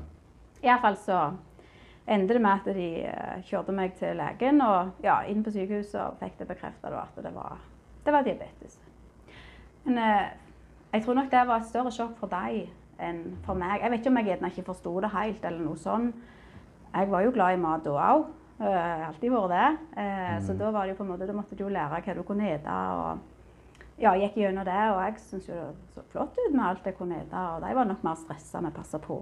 Sånn, blodsukker, insulin og sånn. Det var jo et eh, Hva skal jeg si et, et enklere regime på den måten at det var vanskeligere i forhold til at du hadde ikke den samme målinga sånn som du har nå. Eh, du tok en eh, ja, sånn strips så du stakk med fingeren, og så ja, lot den ligge på et minutt, tok det av, og så skulle du bare finne hvilken hvilken farge passer den på. Ok, Da ligger du på det tallet. Det var litt høyt, eller det var litt lågt. ja. Eh, Du var ti Ja. år. jeg var ti år, ja. Mm. Eh, er det Jeg vet at du kan skille det opp i veldig mange kategorier, men det Mm. vanligste å si det er type 1 eller type 2. Mm. Har du type 1 eller er du type 2? Jeg er type 1. Du er type 1. Ja, og det vil si At du, er, du må ha insulin for å klare deg. Ja. Uh, type 2 er jo mer en uh, livsstilssykdom. Det er nok den som er mer dominant enn mm. en type 1. ja. Det vil si at det er en typisk ting som alle kan pådra seg av å spise usunt over lang tid, f.eks. Ja. Mens type N er mer genetisk, eller? Eh, ja, eller det, der er på en måte De vet ikke hva det kommer av. Eh, der er, de mener det er en sånn miljøfaktor som, eh, som eh, ja, som er utløsende, som de ikke vet. De, eh, der er jo et sånn pågående forskningsprosjekt så, ja, så de holder på å prøve å finne ut av. Ikke, jeg vet ikke hvor langt de har kommet. Nei. Skal være ærlig og si jeg følger ikke så godt med på det. Nei. Jeg eh, tenker jeg, hvis jeg bare klarer meg sjøl eller styrer mitt eget, Ja. så er ikke det så verst. Jeg prøver altså, Nå tok du en liten om, om hva det var. da. Jeg prøver altså forklare litt hvordan jeg har eh, For det, tingen er jo at du sier bukspyttkjertelen har problemer eller klarer ikke å lage tilstrekkelig insulin eller ikke insulin i det hele. altså den slutter å gjøre jobben sin. Og insulin, da, det er et hormon, som du sa, som er blodsukker eh, senkende. Det senker blodsukkeret ditt. Det vil si at når du spiser mat med ja, karbohydrater, glukose, Ja. så tar du opp det, så går det inn i, inn i blodbanen. Og da hvis du på måle glukosen, da hvor mye karbohydrater kan du si at du har i blodet der og da, så er det høyt. da. Så ligger det og flyr rundt i blodbanen din. Og det, når du sier at dette er senkende, så er det altså insulin er senkende, at når du tar insulin, så er det med å flytte glukosen eller karbohydratene fra blodet og så inn i celler. I tillegg så er insulin med å gjøre at muskelcellene har økt opptak altså av, av karbohydrater, eh, økt lagring og økt forbrenning. Det er insulin med å gjøre. Og den andre tingen som du nevnte, er at levercellene de danner glykogen. Og glykogen det er på en måte lagringsformen til glukose. Så de på en måte åpner opp, og her kan du lagre dette til senere når du på en måte er aktiv, så kan du bruke denne energien. Og det er litt derfor sånn, litt sånn simpel teori, men det er derfor en kan si dette.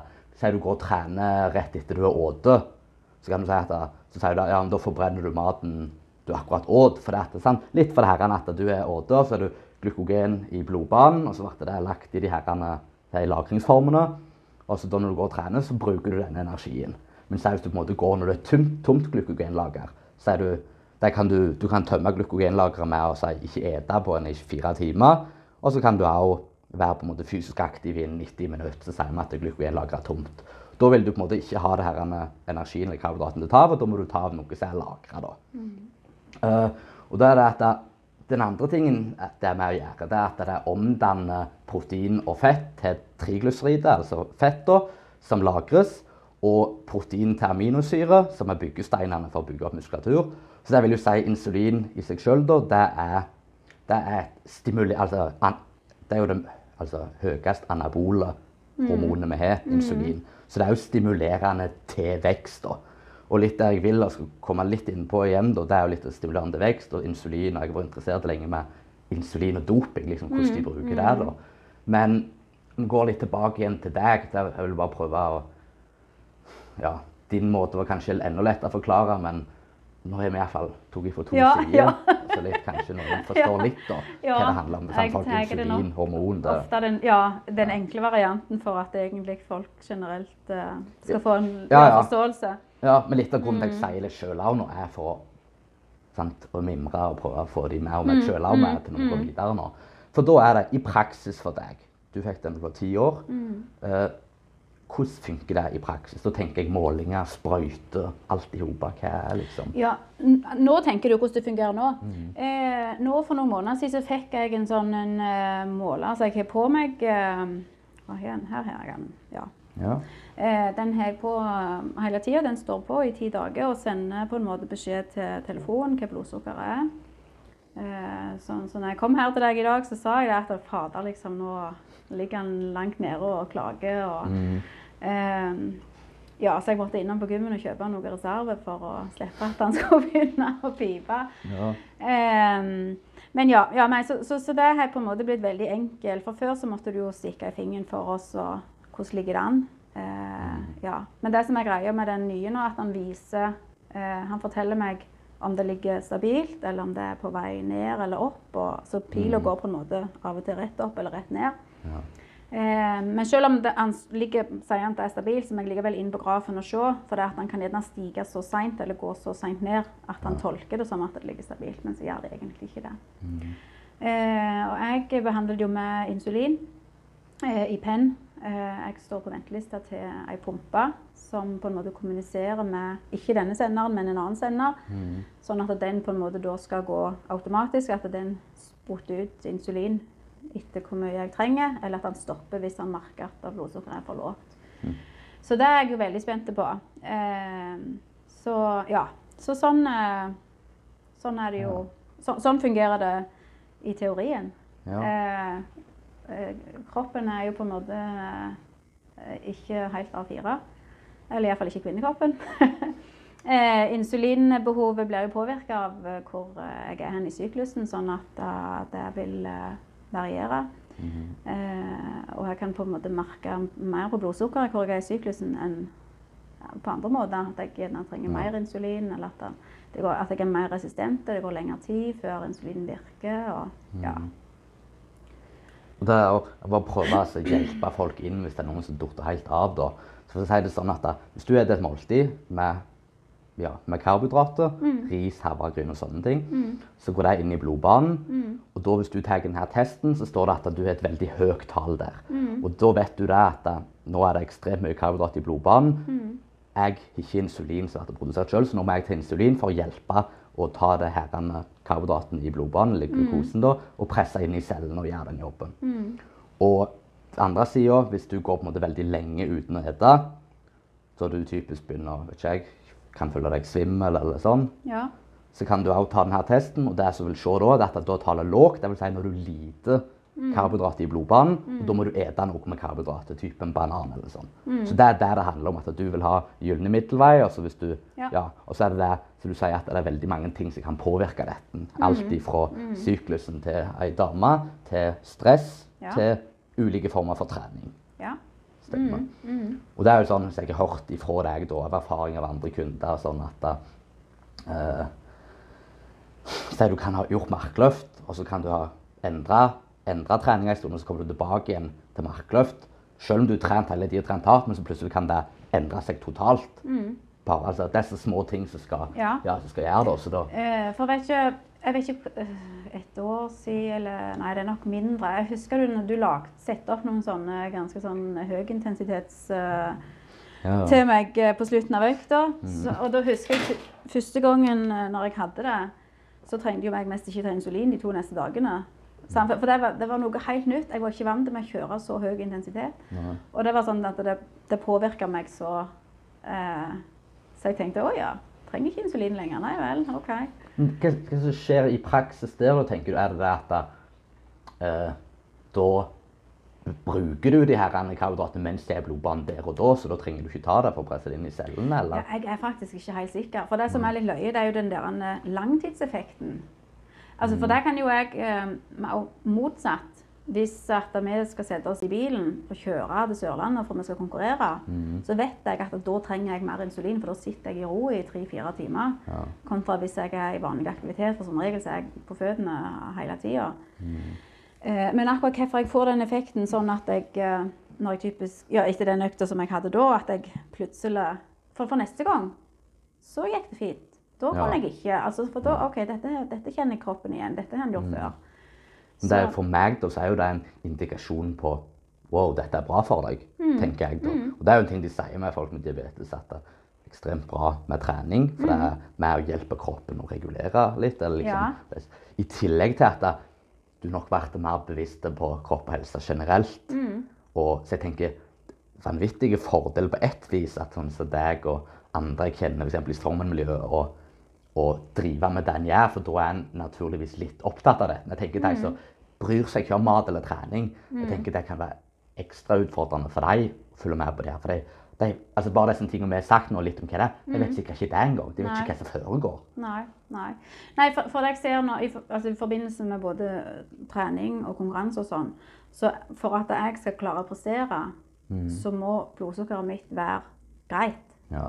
Eh, og her senest eh, ja, sikkert på torsdag når jeg trente, da Jeg merka ingenting. Varmte opp, fin form, alt sånn. Plutselig så begynte han å pipe. Så tenkte jeg hva, hva er det nå? Ja, da var det sånn kritisk lav. Altså inn, hvis ikke du gjør noe nå, så er det nede på 3,1 om 20 minutter. Så bare tenkte jeg hva liksom. Hva da for? Jeg har nettopp spist. Sant vel? For det at eh, Ja. Og det blir sånn OK, men da er det bare å gå og ta to bedre enn proteinbar, så, så klarer jeg å klatre meg opp. Så ligger jeg liksom da på mellom fire og fem, liksom. Og det er helt, helt fint, det. Ja. eh, ja. Og motsatt er det jo når jeg trener Nei, når jeg, hvis jeg skal konkurrere. Og nå er det jo så gale at det, når Hanne konkurrerer, så har det jo samme stresseffekten på meg. Så når hun konkurrerer, så blir jeg sånn. Så må jeg jo følge med på blodsukkeret, for at det stiger. For det, det er så mye adrenalin, og da, eh, da, da blir det veldig stort insulinbehov. Eh, her for en del år siden så hadde jeg Jeg tenkte, jeg tenkte tilbake på det mange ganger. at ah, Hvis det hadde vært en lege til stede og hadde visst hva mitt blodsukkernivå var, så hadde han aldri gitt meg lov til å gjøre det som jeg gjorde. For det var, det var, sånn, det, var det året når Queenie var med oss ja. når vi var på Sørlandet. For, da, for du lærer jo litt eh, underveis. Eh, lærte jo det. ok, Før konkurranse må jeg ete masse, masse karbohydrater. Yes, kjørte på. Jeg kjøpte på alt mulig vet du, og lødde inn. Ja, sette litt ekstra insulin. Hadde jo egentlig ikke peiling på hvor mye insulin jeg skulle sette. Våkna på morgenen med blodsukker på et par og 20. Og det, det er høyt, altså. Du skal ikke, du skal ikke, ta, eller skal ikke være sånn fysisk aktiv hvis du er over 15. Altså, da må du ta rolig, for det, det er belastning for kroppen bare å ha det høye blodsukkeret. Der skulle jeg ut og konkurrere. Skulle løfte det tungste, tyngste jeg klarte, og springe det forteste jeg kunne med de vektene som var den dagen. Og, og du, du blir sandpapir i moen, Sant? at du klarer mest ikke å fokusere. Eh, ja, og jeg, jeg vet at jeg var skikkelig Jeg så ikke godt ut. Queenie sa det til meg på slutten. Du Linda, jeg tror du må ta en tur til legevakta. du ser ikke godt ut. Det går fint, sier jeg. Bare la meg, nå skal jeg hjem. Det går Ja. fint. Det gikk fint. Men at det var, om det var lurt? Nei, det var ikke det, altså. Det, jeg har tenkt på det mange ganger. Eh, men det var på en måte den, den verste. For da er det sånn at alt, alt sviver. Du, du føler du er på en båt som gynger. Altså, sant? Eller så der skal du ut og springe med farmer, så du skal lufte tunge markløft og velte dekk. Og, og det er sånn. sant vel? Du har ikke tid å stoppe. Så det Ja, men det er sånn etterpå, etterpåklokskap. Du kan tenke tilbake på hva i all verden er det jeg utsetter meg sjøl for. Ja. Men uh, ja. Der er det jeg kom på, der er det jo en sånn liten der ja, kunne det gått gale. Og et annet tilfelle der det gikk litt gale og kunne vært enda verre, det er så som vi kjenner Jørgen Haukeland, Ja. som har vært nevnt i et par episoder tidligere. Som har vært Norges sterkeste mann. Begynner å være noen år siden nå, men han har senere tid ja, gått over til crossfit, og så ja, og til nå å ja, leve litt mer fritt og gjøre det, gjør det som ja, gir han noe i hverdagen. Men han da fikk på et tidspunkt i denne greien så fikk han diabetes. da. Og jeg husker han, han la ut for noen måneder siden. Det, jeg tror det var noe bilde eller noe han hadde fulgt av blåmerk eller kul i hodet. Og, og sånn da. Jeg husker ikke helt den historien med hvor gale det gikk, men det virka som det kunne gått galt. Og det som var greia der, da, det er jo det at han hadde Du har ikke så jeg forstår, sånn, insulin du kan sette, så kan du sette hurtigvirkende, som vel er kanskje det vanligste. eller, i forhold til det. Ja, Mm. Og så langtids. Og når du tar langtids, så er jo det at du setter du det ikke jeg i, i fettvevet, sant? at det ligger der lagra. Eller at Ja, du setter det under set- huden. du setter den i, i låret, for, det, ja, for der trenger den på en måte lengst tid å bli sugd opp. Ja. Den hurtigvirkende setter du i magen, for der går det raskere. Ja. Så jeg for, sånn jeg forsto det da, så hadde han satt noe feil eller bomma eller truffet godt i muskulaturen. Å ja, sånn ja. Og jeg trodde du mente han bytta om dosene. Ja, nei, han, hadde to, han tok hurtigvirkende. Mm. Nei, han tok langtidsvirkende. Så, det vil si at så da er det jo på en måte en stor dose insulin, men det Mm. skal komme litt etter litt. Men etter jeg forsto det, så satte han det feil. så Han satte det i muskulaturen og kom okay. i blodbanen. Ja. Og da ble det langtidsvirkende hurtigvirkende. Ja, ja, ja. ja. Men så er han jo, vet ikke jeg om han, han, han, Det er jo ikke sånn at du er bevisst Oi, der traff jeg det. Jeg vet ikke. Men det som i hvert fall da skjedde, var jo at det, på veldig korte tid så begynte han å Jeg vet ikke hva du kaller det. han begynte å forføling. ja, begynte å få føling og var helt og Etter jeg forsto det, så hadde han helst falt i bakken, og han visste hva som hadde skjedd. OK, jeg må ta i karbohydrater. Men så mener jeg han hadde, han hadde gått, og så hadde det vært så føling at han han klarte ikke å styre seg. og Jeg tror han hadde falt i gulvet og lå og helst og stangt hodet i gulvet. fordi at han rista seg. Og døde. sånn Hadde det ikke, hadde det ikke fått tak i karbohydrater der, da, så vet jeg ikke, jeg vet ikke hvor galt det kan gå. Men Nei, øh, det som er eh, For der tenker jeg at det kommer jo litt an på hvor mye insulin eller for mye insulin du har i Ja. kroppen. For du har jo det at når du kommer ned på det der kritiske nivået, så begynner jo leveren å skyte ut Ja. eh, sjøl. Eh, og det er jo det som også gjør problemet etter en føling, at du kan få de der høye toppene fordi at det stiger eh, Ja. så veldig. Men, eh, men ja, det som du sier om en så kraftig føling som han har Jeg har også hatt sånne. Mm. Men jeg har bank i bordet ikke hatt det etter jeg fikk unger. Eh, men det er jo litt historier der eh, Det har typisk vært eh, perioder der, eh, tidligere perioder der jeg skulle gå ned i vekt før jeg egentlig var så stor som jeg, eh, jeg var da når jeg gikk ned i vekt skikkelig. Mhm. Eh, og da husker jeg eh, det som Av en eller annen grunn for jeg husker, Det var sikkert da vi bodde på Nærbø. Mhm. Eh, for jeg vet at, eh, at Tore hadde sikkert ringt hjem da for å høre hva, hva jeg skal gjøre. liksom. Hun er bevisstløs her og sånn. og da hadde jeg jo sånn ei glukagonsprøyte som han ga meg. Også. Men så har jeg jo vært alene mange ganger. Og greia som jeg har gjort Jeg har jo alltid ringt hjem. Og så har jeg ingen som hører det. Helt til de gjerne skal legge på, og så sier jeg bare ja. Eller, eller det er en historie jeg har fått fortalt, og jeg husker jo ikke dette sjøl. Eh, og min far, eller stefar, da, han er jo en eh, fantastisk mann. Og tar jo alt med på strak arm, og, og han bare ler og liksom sånn. Eller han forsto jo det, at her er det noe som er galt. Eh, så om de hadde fått noen naboer til å komme bort, eller om, om det var ei venninne som kom bort, i fall. For hun kom jo bort. Hun var sykepleier, eller utdannet, holdt på å utdanne seg som sykepleier. Eh, og hun også syntes jo dette var kjempevanskelig. Hun, for jeg var jo egentlig ikke til stede, men jeg kunne svare litt sånn i hytt og vær, så hun gjerne sier 'Nå må du ete, Linda'. Ja. ja. Men jeg gjorde ikke det. For jeg skulle jo gå ned i vekt. Kunne jo ikke ete. Nei, for, for det, var litt, det var litt sånn det var da. Altså, perioder nå, altså etter jeg har blitt voksen, så er det sånn OK, men nå må jeg ha det. Så da må jeg bare på en måte bruke litt lengre tid på den der, nei, der, sant det der kaloriunderskuddet. Mm. Eh, men eh, ja, for Hun syns det har vært kjempevanskelig, sånn, men det, altså, jeg har jo alltid på en måte kommet i havn. Men det som har skjedd da, når jeg har vært alene, at når jeg på en måte har kommet til meg sjøl, at jeg har vært full i blåmerker i hodet og på kroppen og hatt vondt Jeg har ikke klart å snu hodet helt. For det at jeg, har falt og sleiet meg så mye, men det er jo ingen som vet egentlig helt hva som har foregått. Um, ja. Nei, så det Nei, det, det er klart det er jo en skummel eh, skummel sykdom. Eller en, eh, ja, jeg, jeg liker jo ikke å kalle det for en sykdom, for jeg liker ikke å se på meg sjøl som syk, men jeg sier det er en livsstil. Mm. Um, ja, men eh, så har jeg eh, som sagt ikke hatt det siden ja, si før jeg fikk unger, så nå er det snart 22 år siden. Ja. eh, snakke litt om, fortelle litt om hvordan det er for deg sånn generelt og i hverdagen, så er utenom trening og det her, hvordan er det, hvordan er det å leve med? Hvordan er liksom reaksjoner, kommentarer? Du hadde jo en liten status for en stund tilbake siden der du tømte deg litt om, Ja. om det. da. Ja. Eh, det blir jo sånn Nå har jo jeg hatt diabetes da i snart eh, 35 år, faktisk. Eh, eh, ja.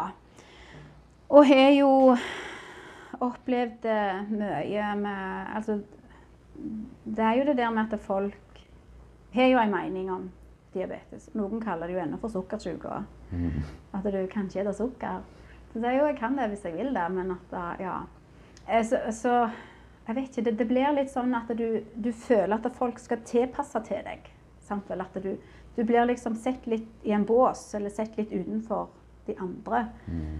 Uh, og det er der hvis noen kommer og sier til deg at du kan vel ikke spise det, så er det veldig vanskelig å gjøre det òg, da. Mm. Sant vel? For det at da, hvis du da velger å gjøre det, så skal jo alle se på deg. Og, og det er jo, har du lyst til at folk skal sitte og se på deg fordi at du spiser noe som de andre spiser, men som de andre ikke hadde tenkt at du kunne spise? Sant vel? Altså, da skal de liksom Oi, hvordan går det? Hvordan går det med deg? Altså sånne ting. Mm. Eh, og det kan gjerne være vanskelig å forstå at jeg skal reagere sånn, men for dette, det er ikke bare én gang. Det skjer jo hele tida. Ja. Og altså både på jobb og i familien og Ja. Du, du, blir, du blir bare drittlei. Altså, for det, det er jo på en måte Du, du må gjøre en jobb hele tida. Jeg vet det, det, når jeg var ungdom, så var det en, eller en ung og voksen, så var det en lege som sa til meg at det at du har diabetes, det er, det er en 20% stilling. Ja. Eh, og det er det iallfall, tenker jeg. Mm. Eh, for det, at det, det er ikke sånn Som du ikke kan si opp. Nei, du kan ikke si den opp. Det kan du ikke. Og så kan du ikke helt styre den at du skal ha den 20 bare på mandagen. Eller bare på søndagen. For at det, de der 20% de ligger inni alle timene hele, hele døgnet. Mm. Eh, ja, og så liker jeg jo ikke å Jeg vet ikke, hva skal jeg si? Jeg liker ikke å skille meg ut. Eller jeg vil ikke noen skal se meg på det. Altså, det er ikke det jeg vil bli uh, huska for, liksom. Nei. At det, det var hun der med sprøyten, husker jeg ikke hun, Ja. liksom. Eh, og det er det at Ja, når dere får anfall Ikke si det. Mm. Sant? Eh, ja, så, sånne kommentarer og sånn, jeg vet ikke. Det blir sånn det, det, som- Altså, jeg jo Altså, jeg, jeg er jo omgjengelig, så jeg jatter jo med. Men så kjenner jeg jo at det bygger seg jo opp. Og det var jo det som skjedde her da for noen måneder siden, at jeg kjente nå, nå, er, nå, nå er det noe, altså. Mm. Nå. Og jeg brukte lang tid på å skrive det som jeg skrev, og jeg tenkte det at noen kommer nok til å bli litt eh, Gjerne litt såra, eller Ja, Føle seg litt truffende, ja. Og eh, noen har nok følt seg truffne uten at de har sagt det. No, mange har kommet og, og takka meg for at jeg skrev det jeg skrev, eller de visste ikke det som eh, Eller at det, Ja, de fikk en annen forståelse for det. Mm. For det som regel, Hvis folk kommer og spør hvordan det går, så sier du at det går godt. For, det, det, for hvis du skal begynne, det er jo egentlig, forventer du egentlig noe annet hvis, hvis du spør hvordan det går. Ja. Sant vel? Ja, for et annet svar, så var åh, Ja, ja, ja. ja, ja. Så, så, så, så, og men jeg kan jo også si at ja, det går, det går greit. Det, det går veldig fint. Jeg har veldig fine verdier. Men, eh, men nå etter jeg fikk den der nye måleren òg, så, så er det enda mer synlig hvor mye det kan svinge på en måte.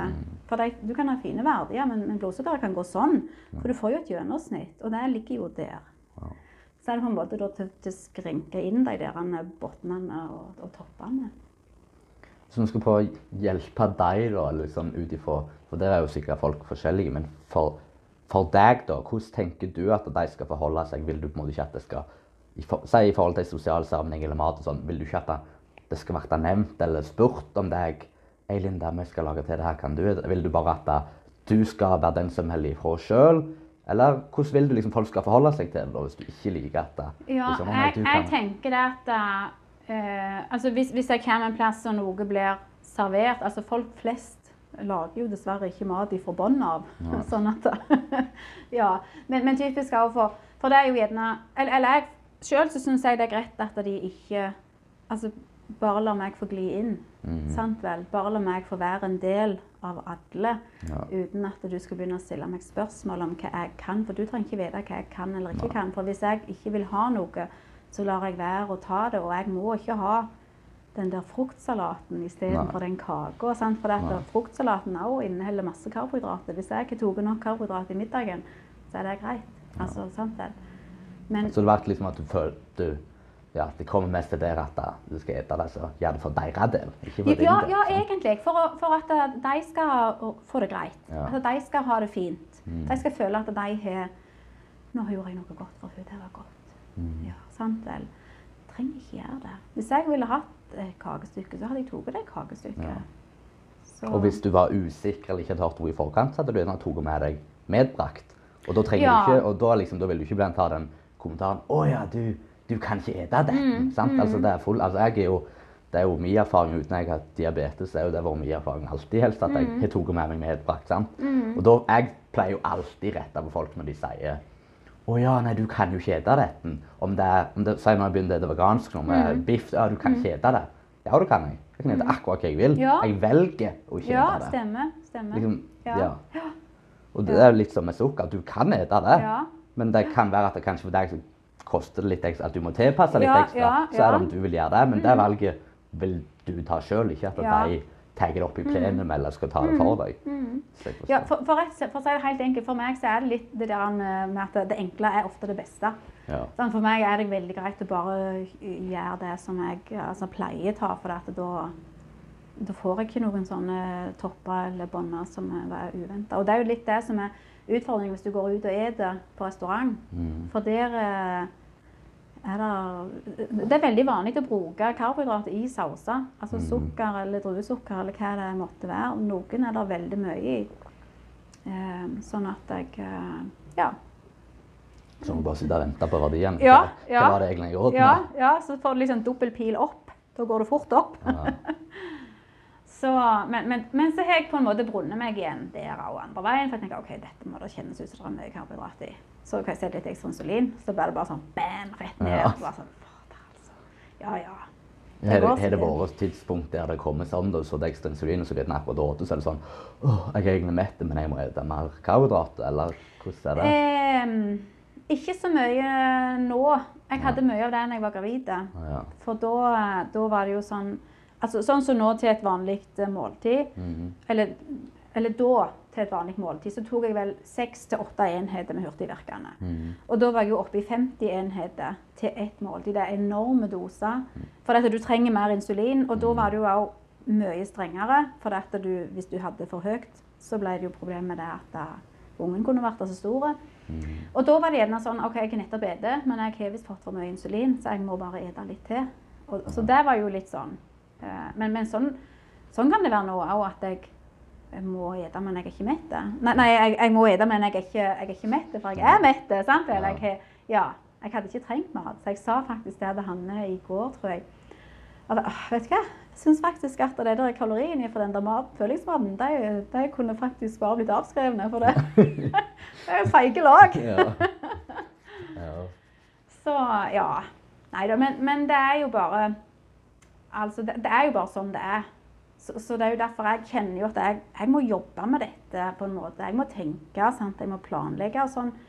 Men jeg er litt sånn Kan jeg bare få lov å altså, gjøre det i fred? Altså, sant vel? Ikke bland deg. Ikke, ikke, eller, eller du kan jo selvfølgelig spørre og, sånn, og ha spørsmål. Og, men, men litt det der når folk har meninger om at uh, ja, du skulle jo gjerne gjort sånn, eller du burde spise det, eller du burde ikke spise det. Eller, mm. ja, det er jo det at du blir, du blir bare lei. Ja. Ja. Og så er det litt det der nå, sånn, der er det blitt litt sånn, det som at der har du lov til å spørre og være nysgjerrig og være frampå, men igjen at da, du skal ikke si noe hvis noen er tjukke. Sant? Det er ikke sånn Ja. at hvis du, hvis du inviterer noen som er tjukke, så er det ikke sånn at da, hvis du lager middag, så når du kommer tallerkenen, så er hun tjukke, du tok halve porsjon til. Mm, Sant? mm. Det er bare, Ja. folk Ja. velger selv om de vil ha eller ikke. Ja, ja, ja. Men, så, Stemmer så, det. liksom, du tilpasser ikke noe der. eksempel, Ja.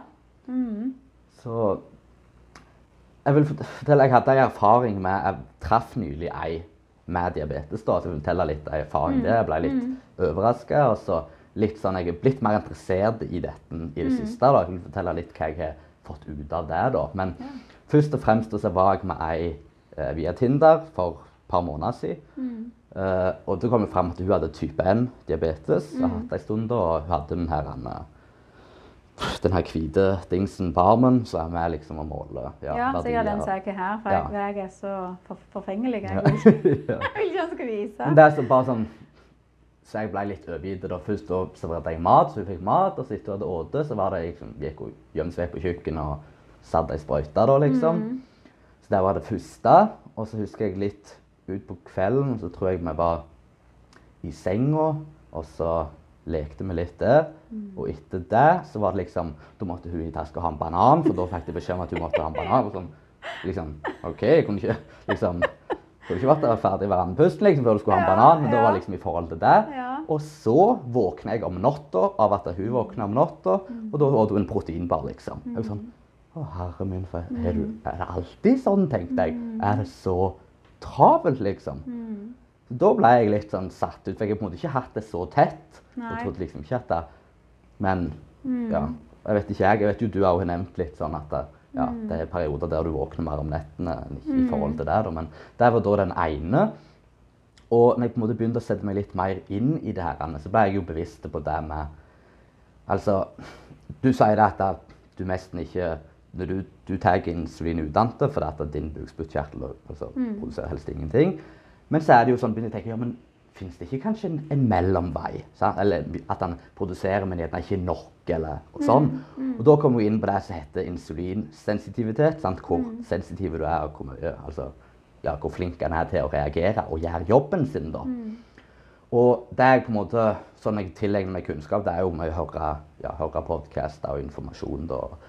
Og, og da, det jeg forholdt meg til sånn, for min del, det var, det var jo hva hva verdien var, altså hvor mye karbohydrat eller glykogen, glukose du hadde i blodet i morgenfaste. Det vil si etter du sover, så måler du om morgenen. Mm. For det er jo, for iallfall den som ikke diabetes, er jo det, det er Hvis du går til legen og skal se hvordan, hvordan dine verdier er, så er det alltid etter du faster om morgenen, så går du til legen og så mm. ser du mm. verdien. da. Det er jo typisk det første jeg gjør morgenen jeg våkner ja. etter jeg har skrudd av alarmen. Det er inn og se hva blodsukkeret ligger på. Ja, sant. Ja, ja. Men da var liksom det jeg lærte. Det har liksom vært litt sånn mismatch jeg sitter med kunder. For det, det jeg har hørt det vært, det meste har jo vært fra Amerika. Og da er det jo andre mm. verdier. Ja. Så det jeg på en måte lærte da, det er jo det at jeg, hvis jeg målte altså måler hvor mye Jeg sier det på denne måten, så det skal være litt lettere for folk å forstå ut ifra hvordan vi har snakket nå. da. Mm. jeg, hvis vi bare sier karbohydrater, så måler jeg det om morgenen. ok, Hvor mye karbohydrater er det i blodet nå? Og da forsto jeg det sånn at hvis du hadde, hvis du hadde rundt 80 så var det optimalt. Det er vel i din enhet eller i Norge det var 4,4. Mm. Uh, og så er det det at du, så lenge du var under 100, som for deg er 5,5, mm. da er det OK. Men så, hvis du var altså imellom 100 og 120, som for deg vil være ja, opp mot altså under 6,7 da var, det, da var du prediabetes. altså mm. Da hadde du relativt mye karbohydrat i blodet mm. etter du ikke åt på hele natta. Ja. Men hvis du var over 125, altså over 7, mm etter faste om natta, da hadde du egentlig basically diabetes. For Hvis du var en person som liksom ikke hadde diabetes, og du ikke åt på type åtte timer Hvis du da hadde så mye, da har du egentlig diabetes, for da er det tydelig at kroppen din er ikke i mm. stand til å gjøre denne jobben sjøl. Og da begynte jeg liksom å tenke sånn Da er det jo en, en middelvei her. sant? At da, mm. Hvis optimalt er 80, men du kan ligge oppi 110 så det er sånn, Du har ikke diabetes, men jobben kunne vært gjort bedre, som igjen kunne vært med i bedre framgang. Sant? Fordi jeg, jeg sa det var høyanabolt. Sant? Det er med å presse altså det her inn i cellene og mm. muskulatur og sånn. sånn. Så da begynte jeg å prøve å tenke litt sånn Kunne det være en ting både for meg, liksom, for å se, se for min del at ok, hvis det er mer optimalt, så, så vil jeg få, få bedre resultat på trening. da. Og det jeg lærte Med tida så kjøpte jeg en sånn måler sjøl og mm. testa litt iblant. For, for, det jeg fikk vite eller fant ut av, da, det var jo det at Si hvis du fråtser i karbohydrat, et ekstremt mye karbohydrater, vil det jo si at bukspyttkjertelen må produsere ekstremt mye insulin. Mm. Så hvis du ligger og fråtser i karbohydrater, så begynner den å bli sliten og bli dårligere til å gjøre jobben sin. Så med tida da så vil det herrene, altså din, ditt blodsukker eller glukosekarbohydrat i blodet om morgenen være høyere og høyere. Og det som skjer når den gjør en dårligere jobb og ikke er i stand til å presse altså det her inn i cellen i muskulaturen, så blir det lagra som fett. Mm. Og da begynner jeg å se at okay, så, så det, vi som trener ofte, mange deler opp i en bulk bulk på vinteren og døff til sommeren. Ja. Og jeg, sant, når jeg spiser plantebasert, så spiser jeg gjerne litt ekstra karbohydrat igjen. For mm. jeg spiser ikke ja, jeg, en del fett òg, men ikke så mye protein. Så på en måte når jeg ligger rundt der opp mot 110 og skal presse, altså presse vekta, så er jeg opp mot en, så er jeg 800 gram karbohydrater på en dag. Og da ble min evne til å produsere insulin dårligere. Så det jeg så, jeg testa liksom morgenen Ja. og la merke til det, at den begynte å bli høyere og høyere. Og jeg var okay. helt, opp- helt oppe i 100 ja. liksom, om morgenen Hvor lenge hadde du holdt på med det, da? og, Altså, og testa. Ja, nei, og, og på en måte presset på med karbohydratene? Nei, det var tre måneder Ja. ish. Men det hadde gått opp og opp, liksom. ja. Og så det, jeg- sånn jeg forsto det, da, måte å kunne fikse det For sant, Når den gikk opp og opp, så fattet jeg jo dette. Hm, så kommer jeg helt opp der, så har jeg jo på en måte diabetes, og da gjør han en dårligere jobb og får jeg dårligere resultat. Så det vil jo si, kommer jeg mer ned mot 80, eller 4 4,4, som jeg sa til deg, så gjør den bedre jobb. Da er det sånn, hm, ja, men hvordan kan jeg fikse dette? For det er jo sånn, når du er på en bulk, eller så er jo målet ditt å bygge mest mulig muskelmasse. Men sant, hvis din insulinsensitivitet blir dårligere, og de gjør dårligere jobb, så vil du bare gå om til fett. Så ikke du presser i deg mat for å bygge muskler. Egentlig bare legger du på deg fett. Så bare sånn, wow, dette er en ting jeg kan være bevisst på, og få bedre resultat. Men så ble det, ja, men jeg er jo karbohydrat for å gå opp i vekt. Når det her skjer, hva skal jeg gjøre da? ja. Og da lærte jeg jo det at eh, fasting Hvis jeg Si hvis jeg lå der og pushet, og den kom opp den lå vanligvis på Lå kanskje ned mot sånn 72 til 86 kanskje om morgenen. Men så var jeg som sagt helt oppe i 100. Hvis jeg bare fasta i en dag, altså alt fra 15 til 24 timer, så var jeg helt fin igjen i flere uker. Okay. Så var liksom ble jeg er den ene dagen med faste? En dag med faste. Den, En dag med faste. Måte, Så ja. var på en måte, ja. fikk den bukspyttkjertelen slappet av, og da var han liksom klar igjen til å gjøre opp med 800 gram karbohydrater. Og det er jo en sånn ting du, jeg har hørt tidligere si hvis du bulker, så kan det være greit å Det er ikke krise om en dag du ikke får i deg så mye mat. Mm. Da er det prosesser ting som vil hvile, og andre ting òg. Det er positivt Ja. for. Men det var liksom sånn aha for meg at wow, her kan jeg ligge hele vinteren og presse meg for å gå opp i vekt og bygge muskler. Og så kan det faktisk skje at jeg bare kommer og legger på meg fett, for dette. Mm, ja. jeg er ikke i stand til å produsere nok insulin. Så det er en ting jeg tok med meg videre inn i coachingen nå. Da, er liksom Ja. sånn, wow, det er en quick fix. Du kan liksom gjøre det, og så er det on point. Og der kan det være folk har lagt merke til folk som bulker og sånn, og kanskje hvis de har fått vært syke et par dager eller ikke klart å åte, så er det mange som har hatt en effekt av det når de begynner å kunne ete igjen, føler seg enda bedre enn det de gjorde før, på grunn av at reseptorer og Mm. Ja. altså fullt av ting Ja, ligger liksom ja. der og reagerer og responderer mye bedre. Har du hørt på hun eh, Marit Kolby Sineker, er det det hun heter? Hun snakker om disse her, eh, børstebilene i tarmen i forhold til det med faste og det. At, Ja, ja. sant, at, Ja. Du har hørt, hørt om det? Ja. Jeg har ikke hørt på hun, men jeg er jo, jeg er jo veldig interessert Ja, i fasting. ja for, for, for det tenker jeg òg på at det, det gir jo det gir jo skikkelig mening. Sant? Vel at Mm. systemet får tid til å gjøre seg ferdig. Sant? For, for, sånn som vi snakket om tidligere, med det der at maten er tilgjengelig Mm. hele tida. Altså, vi er jo der Eller vi kan være der hele tida. Vi går småeter en halvtime, Ja. og så tar vi litt der, og så litt der. Altså, Mm. at, at det, altså på en måte det systemet som er inni oss, og det som vi ikke ser, det trenger den tida med det. Altså, gi det den måltida, så gir det den Ja. tida som det trenger på en måte til å få alt gjennom. Ja, jeg er veldig pro fasting, men jeg, vi har ikke tid til det til- nå, skulle jeg si. Men det var liksom en veldig interessant ting. Så jeg på en måte, det starta jo med interessen for dere at å si eh, at det er vanlige folk, da, det vil du ikke det jeg skal kalle det, men si vanlige folk, og her er du diabetikere. Så er det sånn, det er ikke sånn du er der, og så plutselig ble du der. Begynner å tenke wow, det er jo en vei opp Ja, der. ja, ja. Og når du kommer halvveis, så kan du gjøre tiltak for å komme der. og så... Ja, for, for sånn Det er ikke i- dermed sagt hvis jeg hadde holdt det gående tre måneder til, så hadde jeg fått diabetes. Nei, på ingen måte. For det er jo sånn, det er sånn som når jeg har utviklet diabetes, det er ikke sånn at bukspyttkjertelen går ifra på til av. For det, det er jo bare sånn at han Ja, for jeg har jo litt insulin sjøl Ja. i en lengre periode, men på en måte han, han Men- går Men type 2 er litt mer der. ikke Ja, sant, så ja. At du kan pushe den her. Og derfor mm. det kan være hva du kaller det, livsstilrelatert. At Mm. hvis du er veldig overvektig og kommer opp der, at til slutt så er en ikke i stand mer. for sant? De, de har aldri denne her fasten. Har aldri hvilt, og til slutt så Mm. Ja. er den kaputt. Fungerer litt, men ikke nok, da. Men avslutningsvis med det her, da, så er det, det mange som har spurt meg spørsmål, og jeg har fått jeg, jeg å spørre diabetikere ja, men doping De snakker jo mye om liksom, folk som bruker insulin innenfor doping. Så er det sånn, det er mange diabetikere forstår ikke hvordan, hvordan det er doping, liksom. Det er jo noe du er avhengig av. Og hvis, du, ja, hvis du ikke har det, så lager du insulin sjøl, da. Og jeg er, jeg er litt usikker. Jeg har ikke helt klart å funne ut av det. Men det jeg har sett, er jo det at så sier alle som tar insulin for doping, tar også veksthormoner. Og tingen med veksthormonene er at veksthormonene spiker blodsukkeret. Okay. Det hiver det høyt opp. Okay. Ja, okay. Og sant, Ja. Veksthormon er jo med og vil ta celler, vil ta glykogen til å Mm. bruke det. sant? Til å, altså, den vil ta det i bruk for du skal vokse. sant? Det er der når du er i puberteten når du vokser i høyde Mm. Ja, og sånn. ja. Så den hiver jo, vil jo på en måte beholde det i blodbanen, for den skal være fullt av ting. Så da, når den ligger der og spiker, når de da tar insulin, så er du med å presser ned hele tida. Mm. Så etter som jeg forstår det, så er det de to sammen. Så er insulin pluss veksthormon, altså det er N pluss N er tre. Ja, OK. Ja. Det er ja. sånn jeg har. For jeg tror jeg fa- faktisk eh, Første konkurransen jeg skulle være med på, på type på Tvedestrand Mm. eh, Så satt på med Ricky, og han bare sa sånn Ja, for han fant sikkert ut at jeg hadde diabetes. «Øh, 'Derfor du er så sterk, for du tar insulin.' Jeg bare «Øh, Jeg vet ikke. Jeg vet ikke det. For jeg er, er jo Jeg tenker det at eh, Eller for jeg har egentlig aldri sett meg inn i det der med Jeg har jo også visst at det er på en måte brukt innen doping og sånn, men egentlig ikke Mm. Og en ting det ofte ikke vært testa for. Ja, det er gjerne vanskelig å teste for det Ja. tenker jeg. Ja, jeg vet ikke, men jeg vet iallfall sånn type Mange de sier der det er testing, så sier de sånn Ja, ja, men de bruker sikkert insulin og veksthormon for det. For det tester de ikke for. Det er liksom om det er at der må du ta blodprøve. Du, kan du tester ikke tar veksthormon med urin, etter som jeg forstår, mens det er den vanligste okay. testen. da. Ja. Så enten jeg tester folk på gymmen eller på sportssenter, så er det jo Mm. urinprøve. sant? Ja, OK.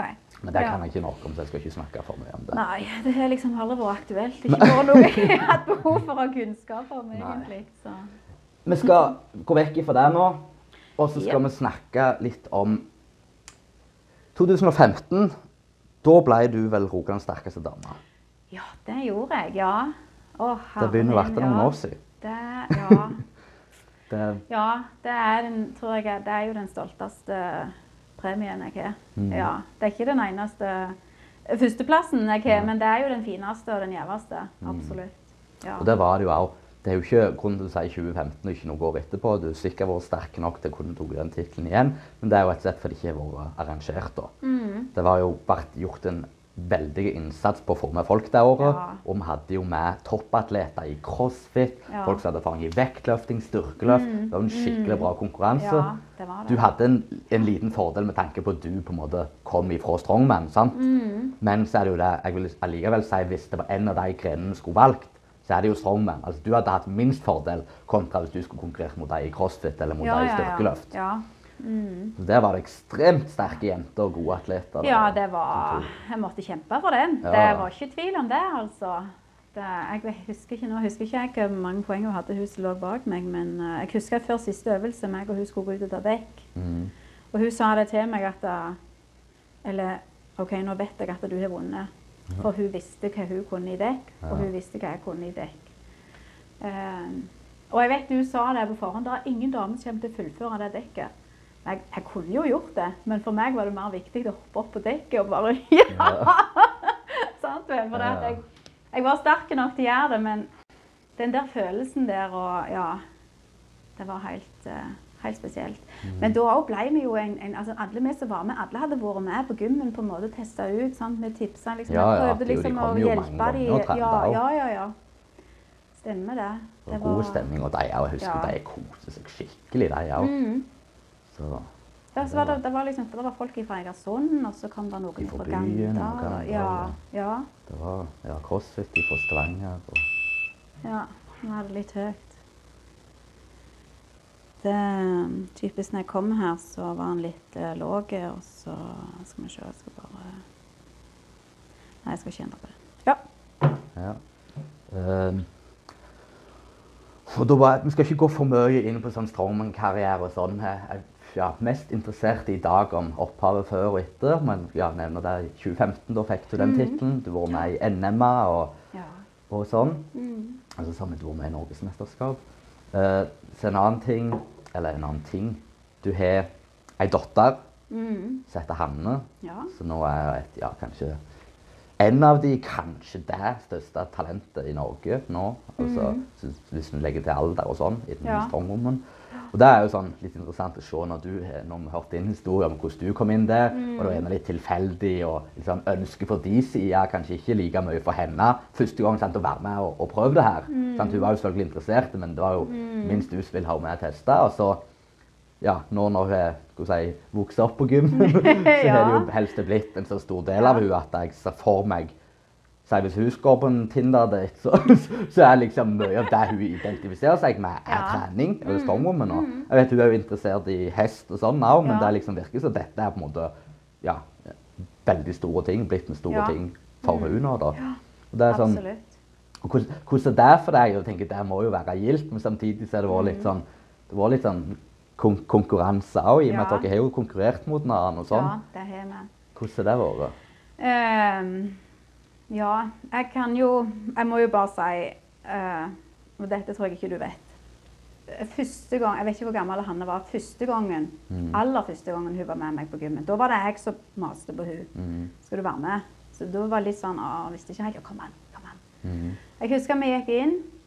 ehm, ja, kom sikkert til strongman-rommet, tror jeg. Og jeg, hun bare helt sånn Hun ble helt stressa, og jeg så det på henne. Og ja, at det bare eh, Går det greit? Nei. Hun ville bare hjem igjen. Så jeg måtte rett og slett Vi gikk inn, og vi gikk ut igjen og kjørte henne hjem. Det, det var hans første Ikke angstanfall, liksom? eller? ja, eller hun bare Det ble for mye for henne. Hun klarte det ikke. Det ble, ble, det ble for mye stress, liksom. Bare sånn, ja. Hun, hun er veldig sensitiv. Mm. Så eh, gikk det sikkert et par år. Det var etter Rogalands. Jeg husker ikke Jo, hun var vel var, Hun var 16 på det året hun fylte 17. Mm. I mai, da. For da kom hun sjøl til meg. Hun, det hjelper når de kommer på det sjøl. Mm.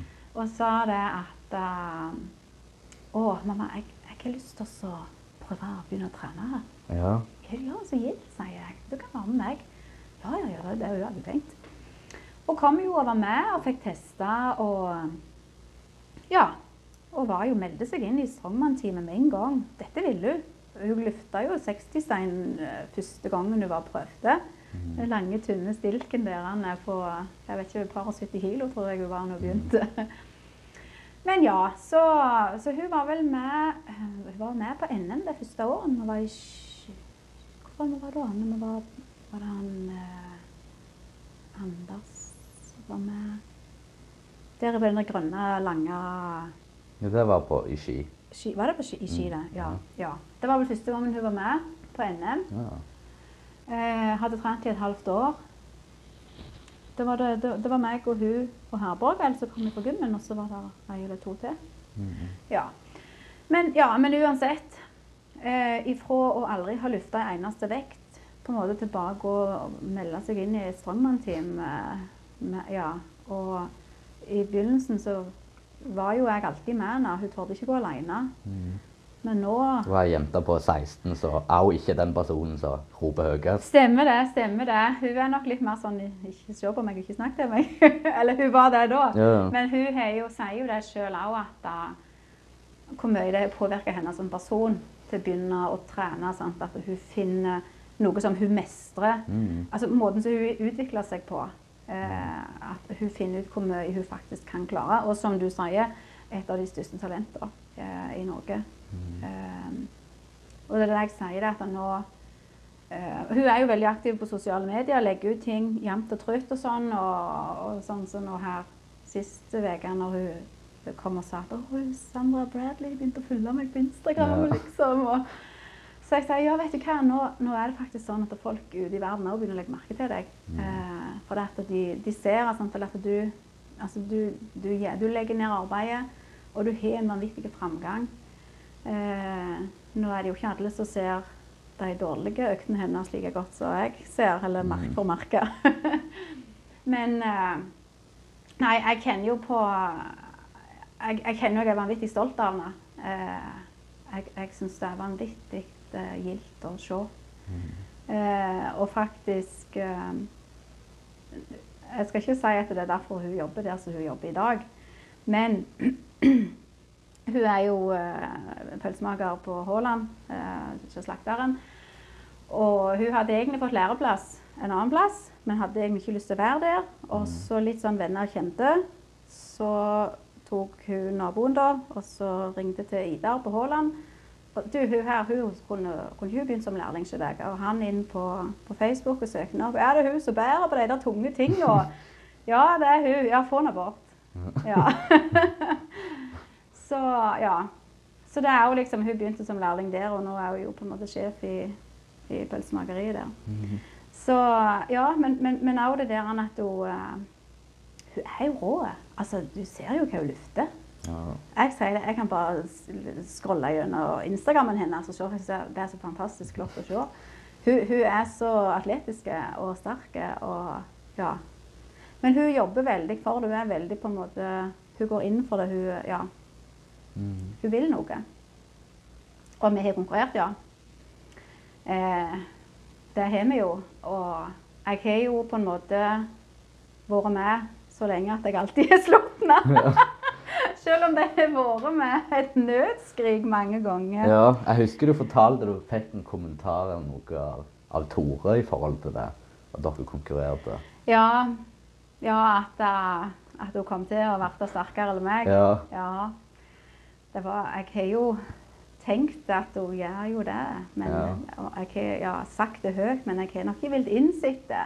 Men nå er det jo veldig tydelig at hun er sterkere enn meg. Det er det ikke noen tvil om. Kan være jeg hadde klart å ta henne i markløftet ennå. Det.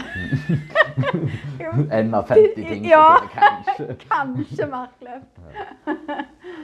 Men eh, altså, hun hiver tunge steiner høyt, og hun bærer tunge vekter langt. Og ja. Nei, hun er, hun er bare helt enorm. Mm. Ja. Og, og, og det er på en måte den eneste personen som det er greit vinner. Altså, det er greit at hun slår meg. Det er greit at hun blir Rogaland sterkest, liksom. Det er helt i orden. Ja. Keep it in the family. ja. Uh. Mm. Nå så vil jeg inn på litt sånn Vi nærmer oss slutten. Uh, så vil jeg, jeg vil snakke litt om Du har hatt iallfall to operasjoner som jeg vet om, utenom det som har vært nevnt til nå. Og det første det er bare kne. Mm. Og, og det er jo sånn Ja, hva være så mye. Det er ikke sånn at da, nå skal vi shame. Driver du med strongen og strongrommen, så får du skade. Er, Nei da, for den skaden den hang faktisk igjen fra videregående. Spilte rugby. ja, Så, men jeg visste jo ikke da, når jeg var 18 år, at uh, du skulle løfte steiner og springe. Nei. nei jeg, ja, den skaden som jeg fikk, den tok lang tid eller før kneet slutta å gjøre vondt. Men jeg visste jo ikke egentlig hva det var. og Det begynte jo å komme igjen da når jeg begynte å trene. Men det var korsbånd, var det det? Eller? Ja. ja. Mm, det var det. Som greit. Og da var det Hva ble gjort da i den operasjonen? Det var Eh, for å si det sånn, Det var jo en lang prosess bare å få den operasjonen. Han første kirurgen som jeg var hos, mm, Eh, han sa det at eh, Nei, du må bare slutte å lufte. Vi gjør ikke noe med dette kneet. Eh, du må heller bare begynne å sykle og så trene leggpress. Så jeg bare Jeg grein jo når jeg gikk hjem. Mm. Det var jo spikeren i kista for min del. Helt forferdelig. Men så fikk jeg jo eh, sendt, snakket med legen på ny og fikk sendt henvisning til, til Trondheim og var opp der. Og han, kirurgen som jeg traff der, han var sånn I alle dager, hvorfor har de ikke gjort noe med dette før? ja. Ja. Så, ja, så de, de skulle inn og fikse, og skulle bruke hamstringen sin, for det, at det var den som eh, eh, Eller enten den eller patellascena. Men da var det liksom Ja, hvis du vil merke begge deler, så tenkte jeg OK. Eh, hvis de tok patellasena, så kan det, kan det være at du ikke kan gå ned i en knebøy. Og så tenkte jeg det må jeg jo iallfall kunne gjøre. Mm. Og så når jeg våkna og kom inn og skulle snakke med kirurgen, så sa han ja, vi kunne ikke bruke hamstringen din, for den var så dårlig, så vi måtte ta patellasena. Jeg bare Hæ? Hva for noe? Liksom satt ikke der og så på en måte kunne være glad for at jeg hadde gjort det der ene. Så jeg tenkte på men jeg vil jo ta knebøy. ja. Så ja da. Nei, men det gikk godt. Jeg kan fortsatt ta knebøy. Mm. Flere dager i uka.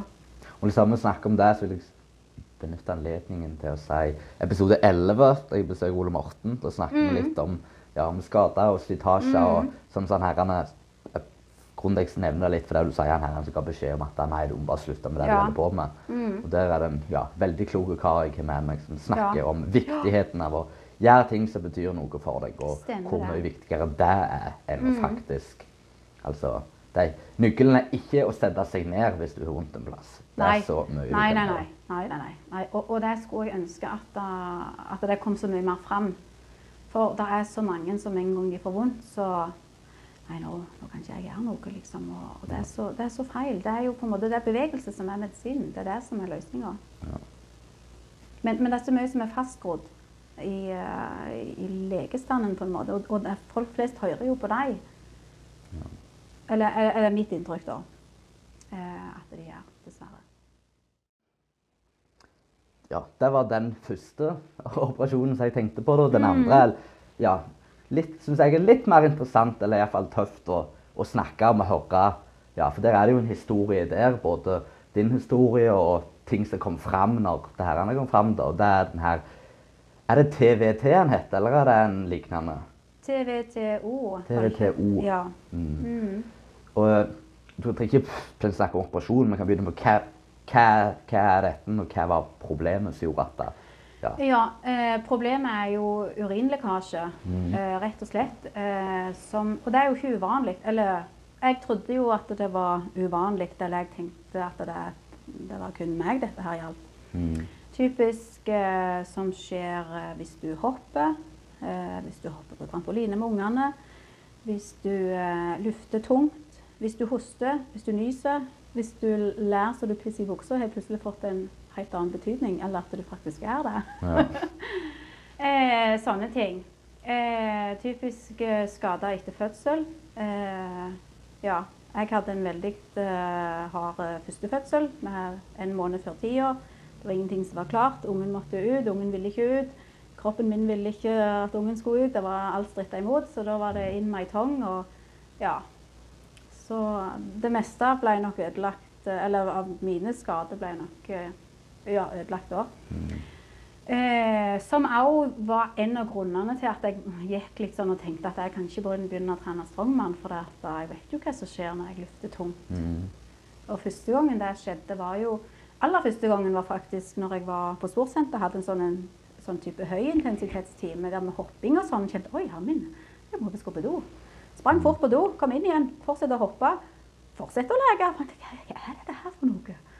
Så tenkte ikke så mye mer på det da. Men det var litt merkelig det det. Og eh, ja. For da hadde du ikke hatt erfaring med det i hverdagen når du nøys, liksom? Eller? Eh, det husker jeg faktisk ikke nå. Antageligvis Jo, jeg må nok ha hatt det. For å si det sånn, helt i starten etter min første fødsel, så var det nok at jeg satte meg ned på huk. Så begynte det på en måte å leke. Altså Så gale var det. Typisk da etter vi hadde, vi hadde vært babysvømming. Vi var i vann, brukt hele kroppen, ganske sliten overvektige som jeg var. Mm. Ikke sterke på noen som helst måte. Det et ekstra press på blæra hvis du er større? Ja, ja, ja. ja. For det sier de jo òg hvis du har problemer at du kan gå ned i vekt. Det kan hjelpe. Ja. Uh, ja. Men uh, Ja, nei, så, så, så jeg, jeg, på en måte begynte jo å merke det at da, altså, til tyngre jeg løfta, til vanskeligere ble det jo. Ja. Men hva, bare sånn, Jeg husker jo det året når hun jeg heter Lise. Det var da jeg på en måte fikk øynene mest opp for det. Hun sto og, mm. gjorde markløft i Norges sterkeste dame. Mm. Og det var jo en ja, Det var ikke noen dråper, det var en sølepytt rundt henne etterpå. Ja. Det var mange som reagerte, og mm. vi på gymmen òg reagerte. Ja. Veldig. Og jeg visste, visste ikke da at det var noe du heller hadde. Jeg vet ikke hva du fikk med deg av våre reaksjoner. Mm. Jeg husker du sa til meg Hun gikk jo på do der. Ja. Så husker jeg du sa vi ja. satt og snakket om det. Det var sikkert lenge etterpå. Ja. Eh, så tenkte jeg at ja, men jeg vet jo hvordan det der er. For jeg kan gå på do og gå rett opp og lufte, og det, det kan renne like godt. Du føler jo det kommer en halv liter, men det, det kommer jo ikke så mye. Men det er klart det, uh, Søler du en halv desiliter på bordet, så ser det kjempemye ut. Og så tenker du at dette her skal komme i, i klærne dine, så så føles det jo mye.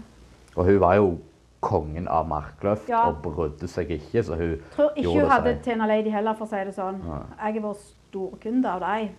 For før, før, jeg hadde den operasjonen, så tenker jeg faktisk ennå på det når jeg parkerer og går ut av bilen skal jeg ha tunge markløft eller tunge knebøy. Så tenker jeg Før så tenkte jeg på om jeg hadde med meg nok uh, Tena Lady, liksom. Hvor mange, ja, hvor mange Tena, hva er det du snakker om? ja. Det, det, er akkurat som ei bleie. Ja, de, de finnes i forskjellige størrelser, alt etter hvor store, stor lekkasje du har. Og det var sånn sånn som suger det opp, liksom? Ja, ja, ja. Det er akkurat som bleie på unger, bare at dette Ja. voksne, så er det bare på en måte et Det ser ut som et bind. Kan Mm. være større. Tjukkere, ikke minst. Um, og det er jo sånn at da må, måtte jeg jo bytte imellom hver, hver sett. Jeg husker her for vet ikke hvor mange år siden det. Det må være tre-fire år siden. Mer enn tre. Eh, for det var før kneet òg. Eh, så spurte jeg Rikard om han kunne filme meg. For jeg skulle ha sånn maksrett på 109 kilo på knebøy. Eh, og, da, og, og der jo Der var jo masse hjelp Ikke masse. Det var noe hjelpemiddel. Sånn, så du setter opp for, akkurat som en bue sant, for å sette press på urinrøret, sånn at det ikke skal Mm. på en måte, ja. Eh, den var kjempegod når han bare holdt seg på plass. Greia er den, Når du står og repper på 109 kg i knebøy, så har du et vanvittig buktrykk. Mm. Og denne her som ligger inni kroppen, den begynner å flytte på seg.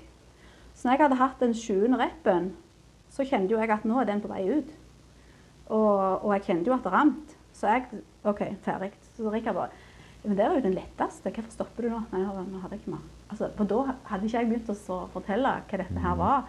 Jeg kunne ikke Altså, jeg trente jo bare med mennene, sant? Vel, jeg kunne ikke stå og si Du, jeg holder på å pisse i buksa nå. Eller nå pisser jeg i buksa. Ja. Sant? Og så var det jo teppe på gymmen. Jeg kunne ikke pisse på teppet. Nei. Det var du og hundene. ja. ja.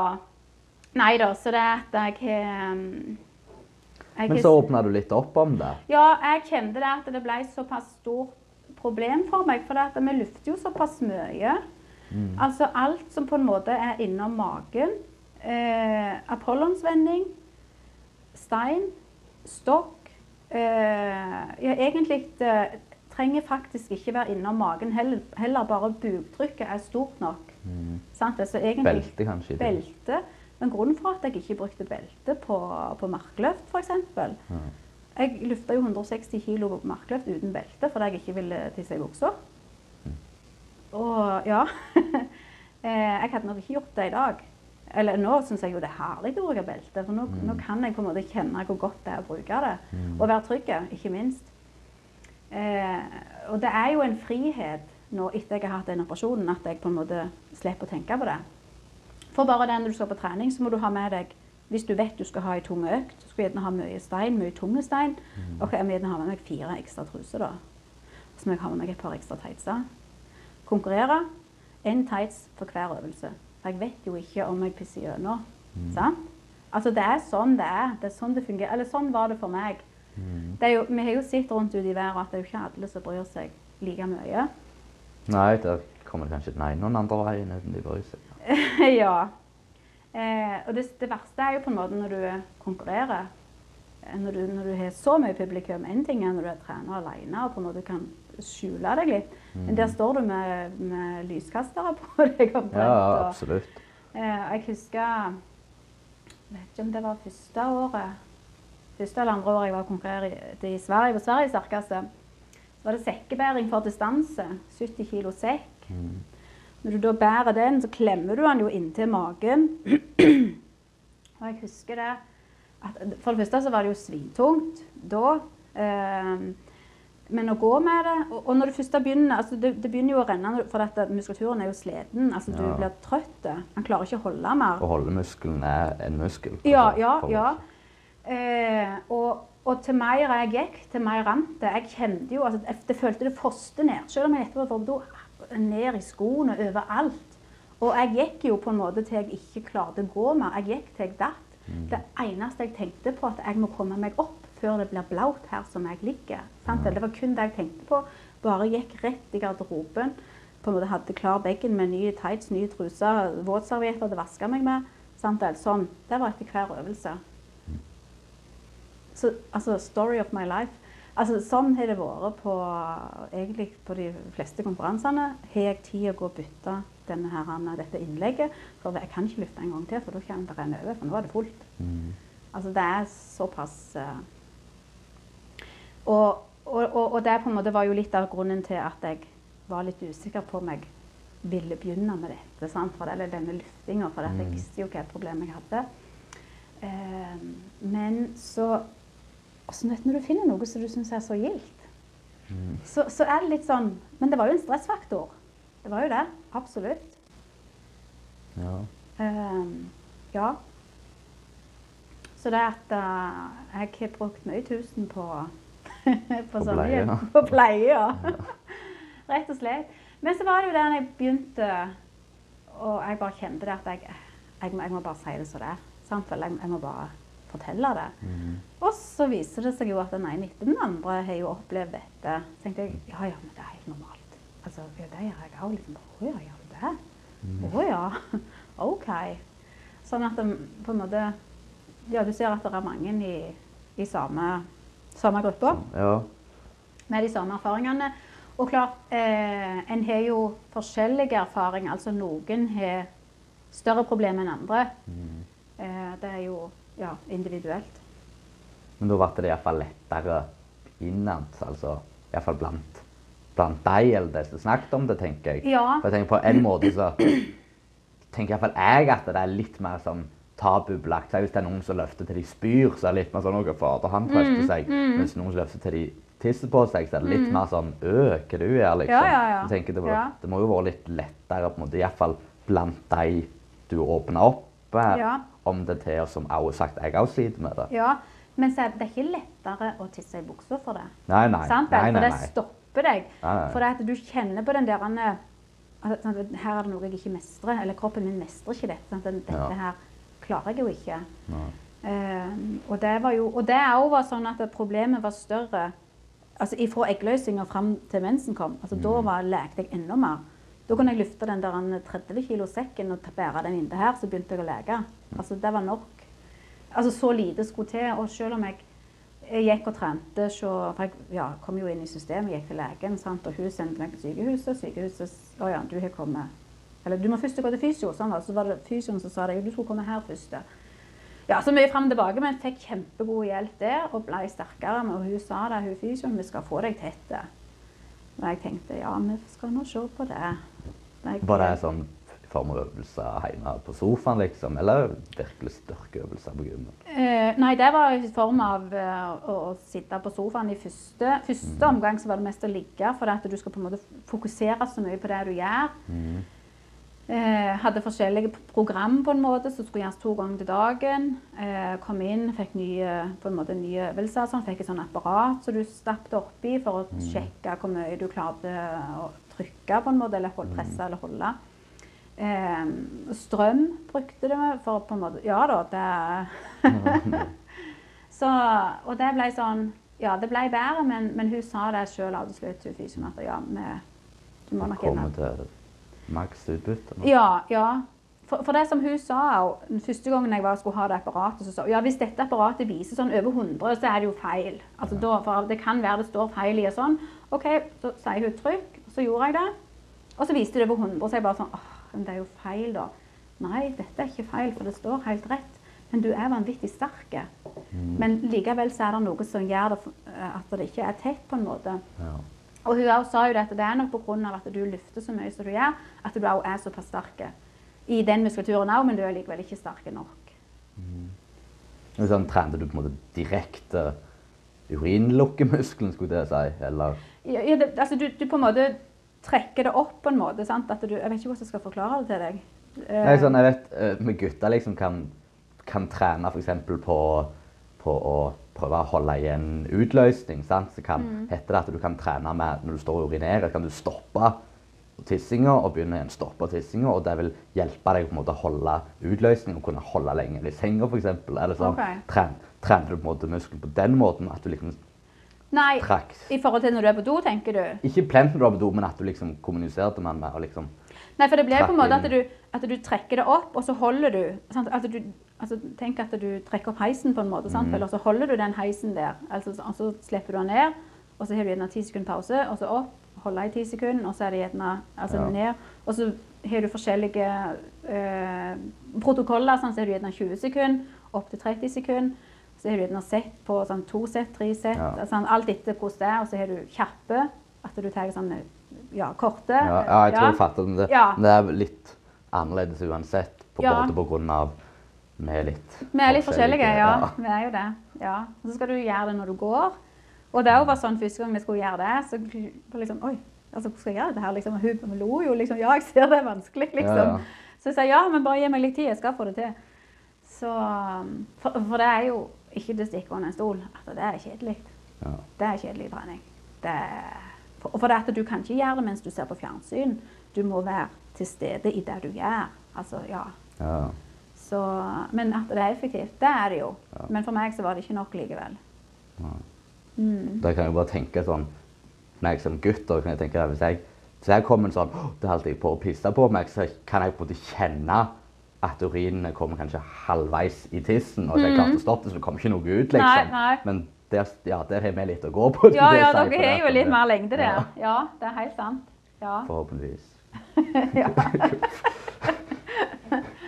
ja, nei, for det at eh, For det som er eh, typisk når du har den utfordringa, så går det gjerne Si du skal ha fem repetisjoner på si 80 kg på en knebøy. Mm. Eh, Så går det gjerne greit på den første, og så på den andre så kommer det litt. Og så på den tredje kommer det litt til. Og så mer og mer. Sant? For at da er den muskulaturen til å holde igjen på den første reppen. Ja. Og så kommer OK, nå er jeg sliten. Og så bare sånn så åpner det seg opp, og så bare ja. nå er det ikke noe motstand lenger. Men nå er det bare tre måneder siden operasjonen. Fire. Eh, ja, tre er det vel, ja. Mm. Og det er vellykka. Ja, det er helt fantastisk. Anbefaler det Absolutt. Ja, til de som har problemer Ja. med det. eh, absolutt. Eh, du, må, du må gå gjennom litt trening, på en måte. For noen kan det være nok. Altså. For det er jo ikke alle som driver med den type trening som jeg driver med. Nei, nei. For hun sa jo det, hvis ikke du hadde drevet med det du driver med, så er det ikke sikkert du hadde hatt behov for dette. At du hadde, du hadde vært nok med den vanlige opptreninga. Um, men eh, ja, nei, det, det er absolutt å anbefale. Jeg, eh, bare det der til å slippe å være redd for det. sant vel? For typisk i en markløft, når du står nede, så er det når du begynner å dra, og så kommer du opp her, og så blir buktrykket altså, sant vel? Så begynner det å renne. Og når du står her nede og så skal helt opp her, den veien er dritlange når det renner. Det kan jeg love deg. Og det, ja. Og, og bare det så mange som snakker om i sånne større øvelser og kanskje stokk og sånne ting, så sier kanskje folk det at halvdelen av løftet er å ha sjøltilliten eller trua til å tåre og prøve å presse gjennom det. Mm. Men da hvis du på en måte har den derene som ligger i tillegg, liksom du skal tåre, men så har du den som ligger oppe, ja, det kan være du pisser på deg. Ja, sant? ja, At det, det er jo med å altså, synke den her kan Ja, trua på for, det, for i, sånn som typisk i stokk òg, så har du på en måte Når du, når du begynner å vende her, da, Mm. her begynner det å lege. Og så får du den opp her, og der leker du. Mm. Og så skal du presse opp her, og da leker du. Sånn at det sant. Det er ikke bare, det er ikke bare én gang. Nei, det er ikke fint å lære, men jeg Uff. Men også på Apollons. Magevending opp her, bam. Opp her, bam. Opp. Sant? Ja, det er bare sånn. Så det